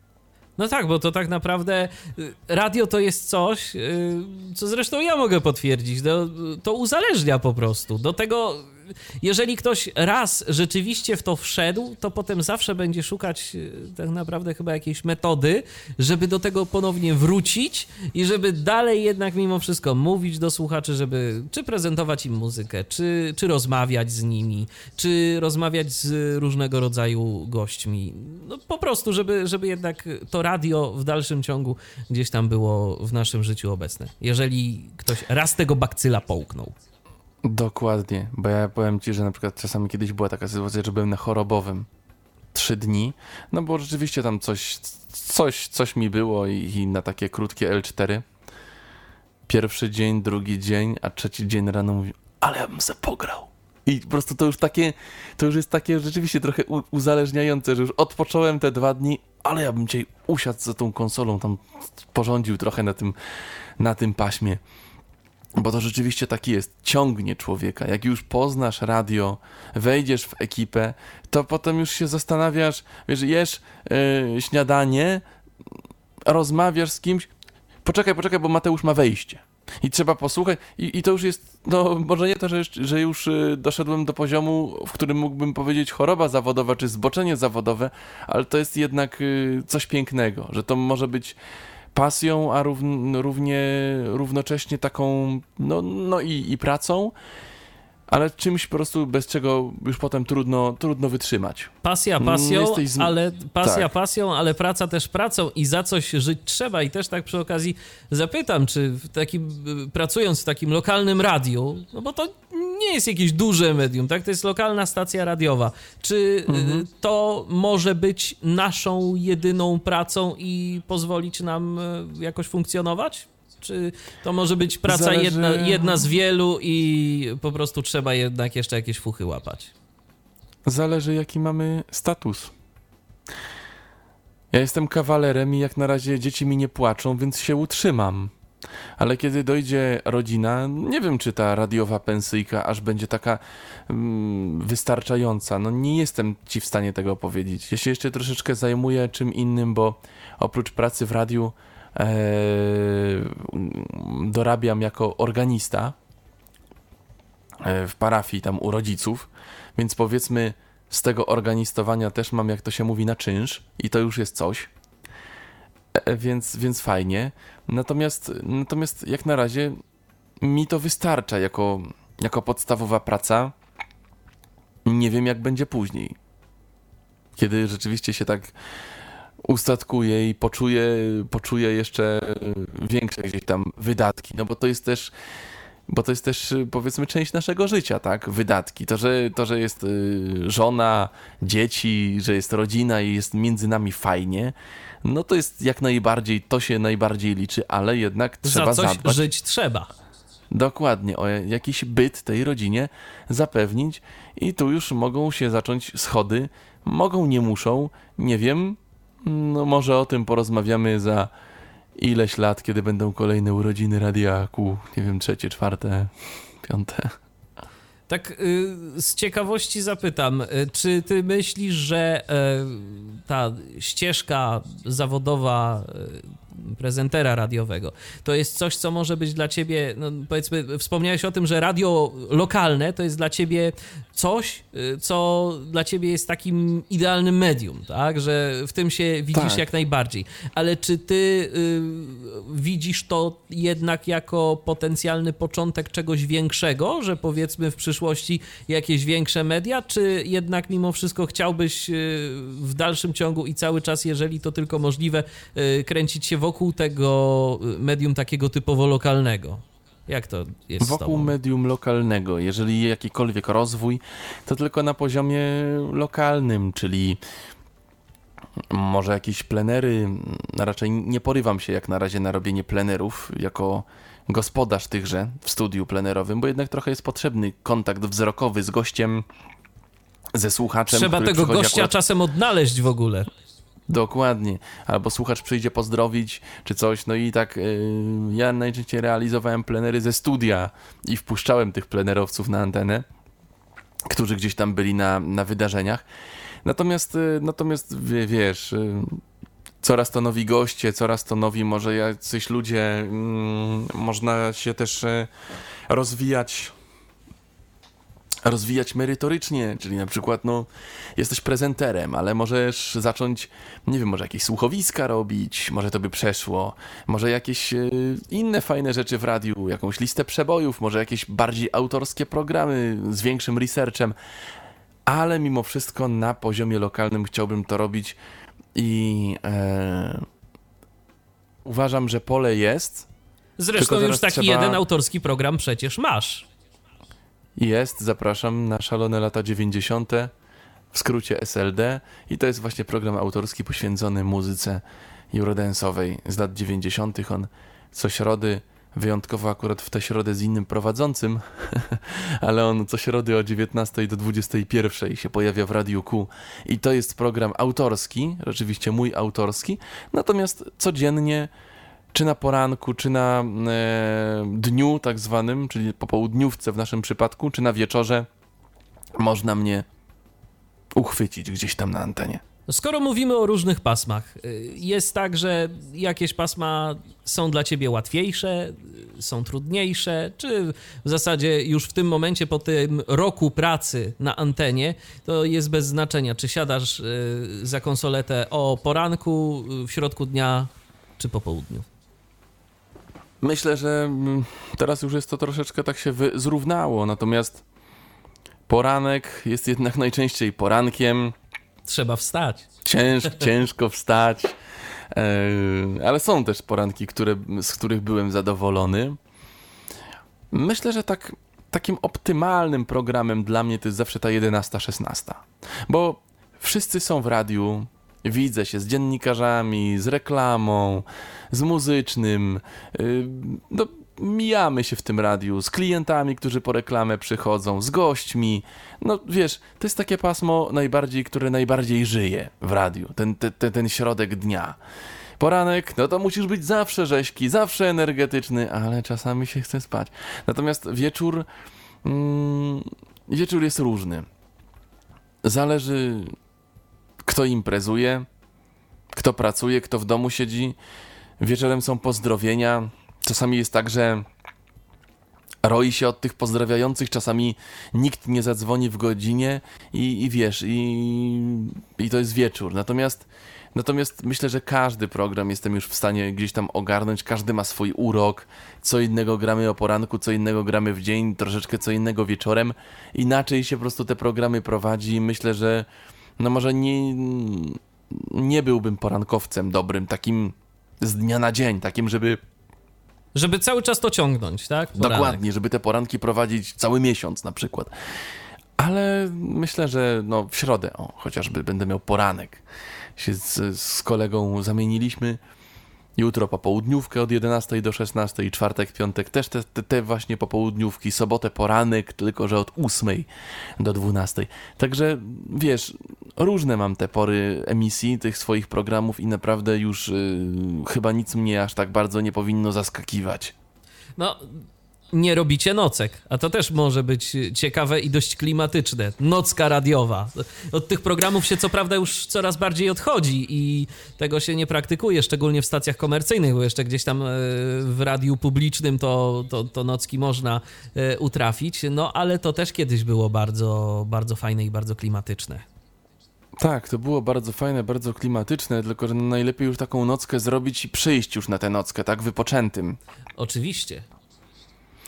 Natomiast kiedyś myślę, że to nie wiem, ra raczej nie mogę obiecać e, słuchaczom i, nikomu, że, że, że takie nocki będą regularnie, ale myślę, że zawsze można znaleźć dobrą okazję i jakąś nockę w radiu popełnić.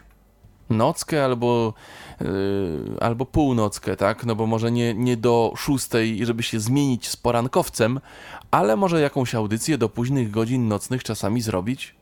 Czemu by nie? Drugiej, trzeciej, czemu nie? Y, Jak dużą w ogóle y, macie dowolność w Radiu Kół w y, tworzeniu y, swoich własnych jakichś programów? To jest tak, że ty masz jakiś pomysł, przedstawiasz go y, powiedzmy zarządowi i jest zielone światło, czy jeszcze inaczej to wygląda? Najczęściej przedstawiam go muzycznemu już teraz. No zarząd oczywiście no też ma coś do powiedzenia, natomiast natomiast nasz dyrektor muzyczny jest, no, jest dyrektorem muzycznym i szefem anteny, więc odpowiada to za to, co się dzieje. Czyli też i Tak jest, dyrektorem więc programowym. odpowiada, Mhm. tak jest, więc odpowiada za to, co się dzieje na tej antenie. Ym, kwestia wyczucia i kwestia no, tego, dla kogo gramy. No, jeżeli miałbym nagle pomysł, żeby zrobić program o muzyce klasycznej, a radio, raczej takiej muzyki nie gra w ogóle, no nie wiem, czy raczej mm, spotkałby się z dobrą opinią i bym, czy, czy bym dostał zielone światło. Ale na przykład mamy program o tematyce psów, nagrywany z takim stowarzyszeniem, które się tymi bezdomnymi pieskami opiekuje i można mm, za pośrednictwem tego programu, dzięki temu programowi na przykład takiego psiaka przygarnąć. Więc wiesz, program taki społeczny, fajny, yy, mm, rodzinny, integracyjny, gdzie mówimy o zwierzętach. Ludzie bardzo lubią zwierzęta, lubią wiedzieć coś na ich tematy, na ich temat. To jak najbardziej przeszło, tak? Mieliśmy program Godzina z głowy, gdzie Krzysiek z Witkiem rozmawiali o psychologii, ale w sposób taki popularno-naukowy, rozrywkowy wręcz. Brali jakieś, wiesz, jakieś psychologiczne zagadnienie, na przykład, no nie wiem, em, relacje w pracy, albo jakieś tam smartfony, albo jakieś tam zakupy, albo cokolwiek. Coś, co nas y, męczy w XXI wieku. Witek jest psychologiem z wykształcenia i to dobrym. I oni przez godzinę w sobotę, to była godzina z głowy, no więc prezenter miał godzinę z głowy, bo, bo wpuszczał autorów programu, natomiast oni godzina z głowy, no bo, Bo gadali. no bo na różne, bo gadali, bo na różne główkowe, główkowe sprawy nad takimi sprawami się głowili, tak? No więc była godzina z głowy psychologiczna, rozrywkowa. A czy na antenie takiego lokalnego radia jest e, miejsce na tematy związane z osobami z różnego rodzaju niepełnosprawnościami? Czy poruszacie te tematy? Że na przykład y, nie jest y, czasem tak, że jak jest jakiś powiedzmy temat związany właśnie z jakąś niepełnosprawnością, to, to, to jest o Edwin, to słuchaj, to ty byś zrobił, bo ty w sumie znasz temat. Nie, tak nie ma i e, raczej poruszamy te tematy dziennikarsko. Gościa zapraszamy jako gościa radia, który coś opowiada, fundację, robimy setkę do wiadomości. No nie mamy programów autorskich o niepełnosprawnych czy dla niepełnosprawnych, dlatego że jeszcze nie mamy takiego wy, wy, wybadanego gruntu i na przykład nie Ilu jesteśmy tych pewni, niepełnosprawnych jest tak naprawdę? Czy jest, w ogóle dla kogo czy to robić? Czy byłoby na przykład dla kogo mm, emitować Tyflo Podcast w Radiu Q, no nie? Bo myślę, że, bo mm, myślę, że możliwość gdzieś tam by była, tylko pytanie, czy byłby na to, yy, by, czy byłby na to słuchacz, czy byliby na to niewidomi, którzy z Kutna i okolic włączyliby to radio na przykład po 21 i wysłuchali Tyflo Podcastu. Zwłaszcza takiego, jak my przykład- gadamy już trzecią godzinę. Dokładnie. To, to, to już jest w ogóle rekord, nie? Tak. Ale, ale, ale tematy niepełnosprawności są poruszane, czy to w rozmowie z gośćmi, czy to właśnie w materiałach reporterskich, więc my takich tematów jak najbardziej się nie boimy, ale nie ma jeszcze tego typu autorskich audycji w radiu. A jak ty myślisz, czy słuchacze wiedzą, że ty jesteś niewidomy? Czy ty im się przyznawałeś może gdzieś tam jakoś między wierszami na antenie wyszło to kiedyś nie, jakoś? co, ja, czy- często, ja, ja- często po prostu zawsze mówię przy wiadomościach drogowych albo gdzieś tam, że cały czas to prawo jazdy, nie? No, cały Aha, czas go nie aha. mogę zdać. A, Nie, wiesz co, y, nie robię z radia też festiwalu litości, bo, bo ludzie są naprawdę różni, ale czasami się gdzieś tam pojawiają moje zdjęcia, a raz mam bez y, atrybutu, czasami stoi jednak ta Wanda tak zwana, czyli biała laska moja, która swoje imię y, otrzymała, Wanda. Ym, I powiem ci, że to jest tak, że nie, ja nie przemycam takich informacji o sobie y, samym, jak to Gawliński śpiewał, o sobie samym. Nie, nie mówię w radiu, że jestem niewidomy, nie piszę tego na Facebooku, nie mówię o tym w radiu. Kto ma wiedzieć, ten wie.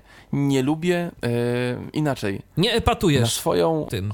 nie epatuję, na swoją gdzieś tam jakąś reputację, na swój jakiś powiedzmy szacunek ten antenowy, chciałbym po prostu za, zarobić swoją pracą, swoim podejściem do słuchacza, a nie tym, żeby ktoś mi potem może powiedział stary, jak ja cię szanuję, bo ty nie widzisz, a ty A umiesz. to ogarniasz. Bo ty, tak, to, to, to nie jest y, naturalny szacunek, tylko sztuczny szacunek, tak? Jeżeli ktoś mi powie, jaki ty jesteś y, zawodowy, bo ty nie widzisz, a ty ten program tak ogarniesz, sobie tak radzisz w życiu, ja cię tak szanuję. Co to jest za szacunek? To, nie wiem, miałbym siedzieć y, w domu bezradny?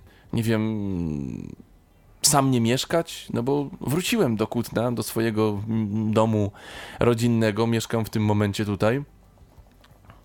Jak słychać sam, bo tutaj cicho trochę jeszcze. E, w każdym razie, w każdym razie nie, nie, nie, nie uważam tego za jakiś wielki życiowy sukces. Sukcesem jest to, że y, skończyło się studia, znalazło się pracę, no owszem, znalazło się mieszkanie, ale nie mogę z tego robić halo, że, że wiesz, że niewidomy i pracuję w radiu. Każdy gdzieś pracuje, ja się z tego cieszę, że jako niewidomy znalazłem pracę w radiu, ale ja przede wszystkim dla swoich słuchaczy chcę być przyjacielem, dobrym prezenterem, którym umili dzień, wieczór albo poranne wstawanie, a to czy ja widzę, czy nie, dowiedzą się, przyjdą do radia odebrać nagrodę, zobaczą, To zobaczą. może na emisji, że Owszem. gdzieś może wzrokiem wodzę nie tak jak trzeba, to może się spytają wtedy jednego albo drugiego. Ale po co od razu całe miasto ma wiedzieć, że oni mają niewidomego prezentera w stacji, tak? No pewnie, że tak. Żadna tajemnica, ale, nie chcę tym epatować. Tak, ale też nie powód do jakiegoś tam epatowania tym, oczywiście. To, to jak najbardziej się zgadza. No dobrze, Edwin, to w takim razie już powoli, tak rzeczywiście y, dobijając do brzegu y, i y, kończąc nasze dzisiejsze spotkanie, tobie się udało. Ty jesteś tam, gdzie być chciałeś, gdzie chciałeś być. Jesteś w radiu, pracujesz jako prezenter załóżmy, że nasi słuchacze y, też gdzieś tam się zastanawiają nad tym, że może kurczę, radio to by było coś dla mnie.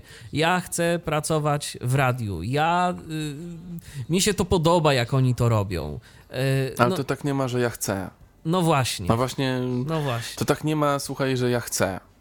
Jeżeli naprawdę chcecie pracować w radiu, jakimkolwiek naziemnym myślicie poważnie, to myślę, że nawet y, z Michała oferty mm, tutaj autopromocję w tym momencie robię, ale rzeczywiście to jest dobra, y, dobry kierunek. Przyjdźcie chociażby tutaj właśnie do DHT, jakiś trochę sprzętu, jakiś system emisyjny, nawet podstawowy, czy ten Radio Boss, czy nawet y, zakupić sobie ten SPL.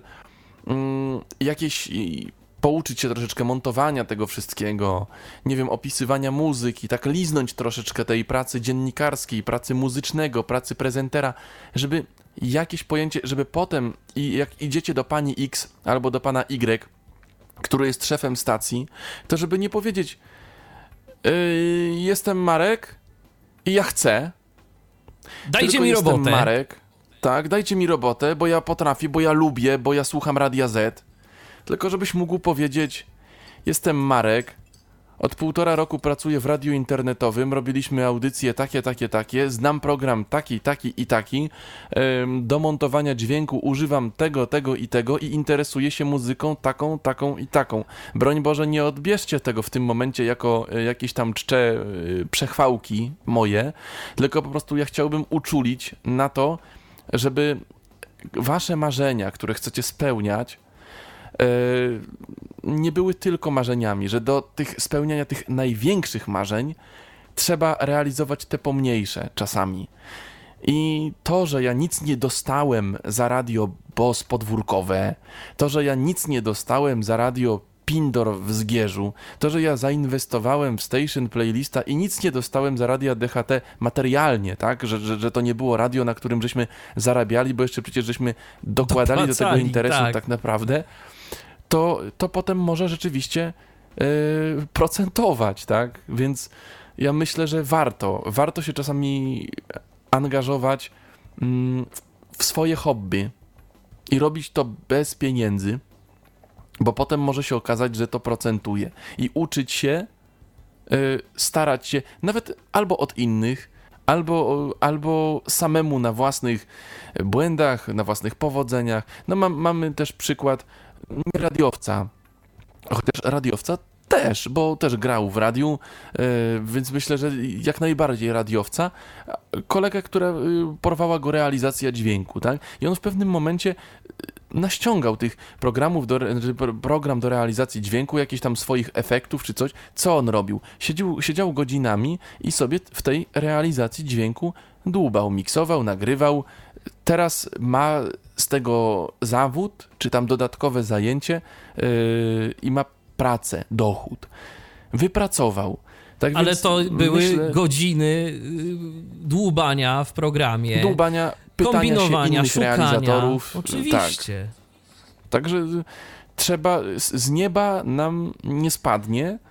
Poza tym ja jeszcze, ja jeszcze, Edwin, dodam taką jedną, myślę, że dość istotną rzecz y, w przypadku twoim zresztą, tak jak y, było. Mm, Ty trafiłeś na człowieka y, w osobie twojego prezesa, który okazał się osobą życzliwą, ale ta życzliwość to była jedna rzecz.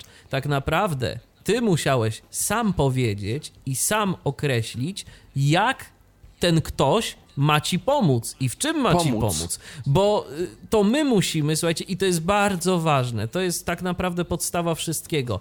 My musimy sami wiedzieć, jak ktoś ma nam pomóc w przystosowaniu stanowiska pracy do naszych potrzeb. Jeżeli Dokładnie. oczywiście w ogóle będzie chciał wyjść z taką inicjatywą i wykazać się życzliwością, bo no chyba w ogóle taką skrajną wydaje mi się, że takim skrajnym nadużyciem y, z naszej strony byłoby nawet oczekiwanie, że jeszcze ktoś zrobi stosowny research na temat tego, jak on tego niewidomego ma obsłużyć i co ten niewidomy właściwie, że on tylko przyjdzie i przyjdzie sobie na gotowe, tak, że będzie miał idealnie dostosowane środowisko pracy. No tak to nie ma, tak to może jest w zakładach pracy chronionej, gdzie tych niewidomych jest iluś, a jeżeli decydujemy się na pracę w zawodzie nietypowym, to sa- to my sami musimy wiedzieć, co i czego i jak oczekujemy, żeby zostało zrobione dla nas. Trzeba, trzeba wiedzieć, e, a nawet jeżeli nie ma gotowych rozwiązań, patrzcie, to, to co mówiłem, te playlisty,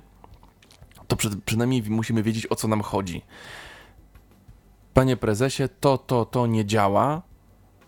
Trzeba by to zmienić. No, napisać program, skrypt, cokolwiek, co będzie zmieniało to w inne. Dokładnie. I to samo z, właśnie ze stanowiskiem pracy.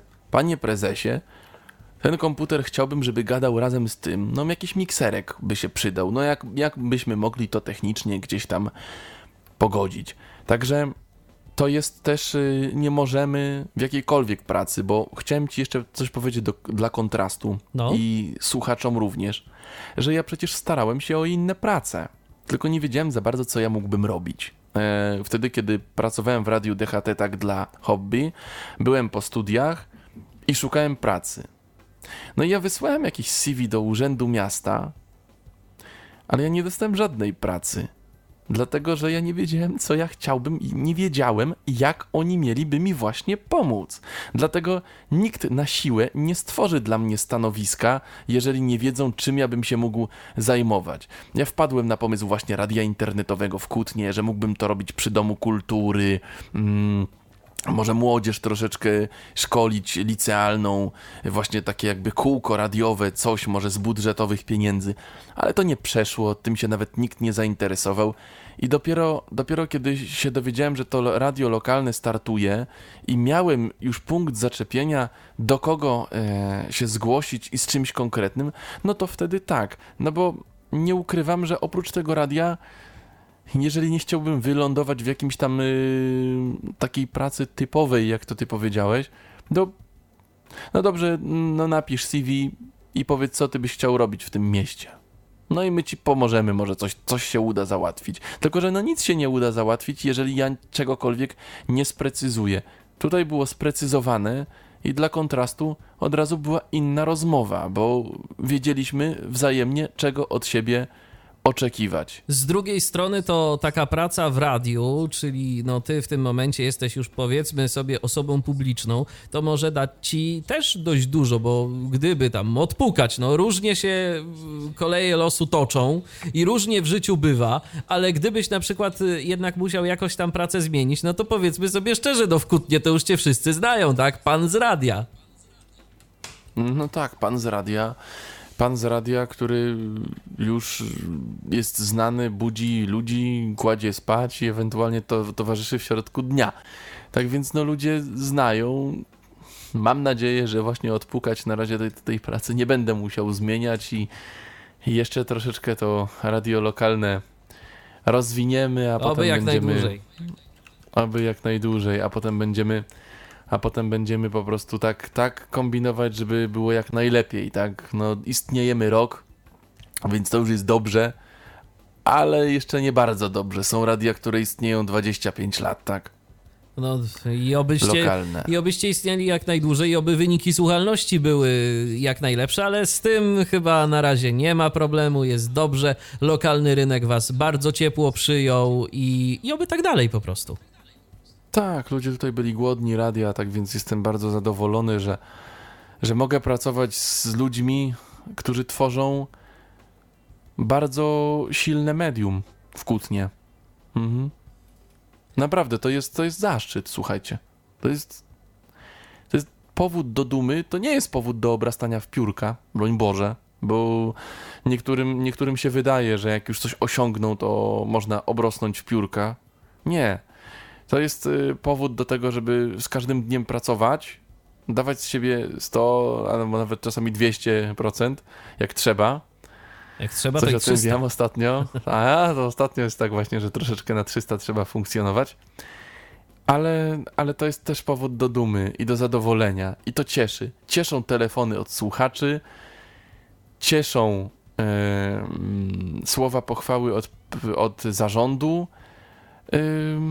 dają do myślenia słowa krytyki, jak się coś źle zrobi, ale myślę, że też są potrzebne i jeżeli potrafimy tylko z tej krytyki, krytyki e, konstruktywnej skorzystać i wyciągnąć wniosek tak, żeby to się nie powtarzało, no to myślę, że jesteśmy na dobrej drodze do, do, do realizacji, do sukcesu i, i do tego, żebyśmy wszyscy byli zadowoleni, tak? Tak naprawdę człowiek uczy się całe życie. Y, Ja zresztą z perspektywy czasu, jak y, sprawdzam swoje gdzieś tam wcześniejsze, powiedzmy, dokonania radiowe, no i patrzę na nie z dzisiejszej perspektywy, to też zawsze dochodzę do wniosku, że to, to, to i to trzeba by było poprawić i za ileś lat, jak y, na to, co dziś, wczoraj, jutro będę robił, to, to też będę wychodził z takiego założenia, bo człowiek uczy się całe życie i tak naprawdę y, chodzi o to, żeby to, co robimy, robić jak najlepiej. I, i to myślę, że jest najważniejsze, żeby była ta chęć rozwoju.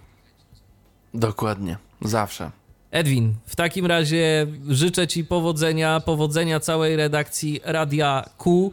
E, No i oby kolejne lata Wam mijały, a my pewnie się kiedyś jeszcze na antenie Tyflo Radia spotkamy i też będzie jeszcze o czym pogadać, bo jak widać, jak my siądziemy przy mikrofonach, to godzina, a nawet dwie to mało.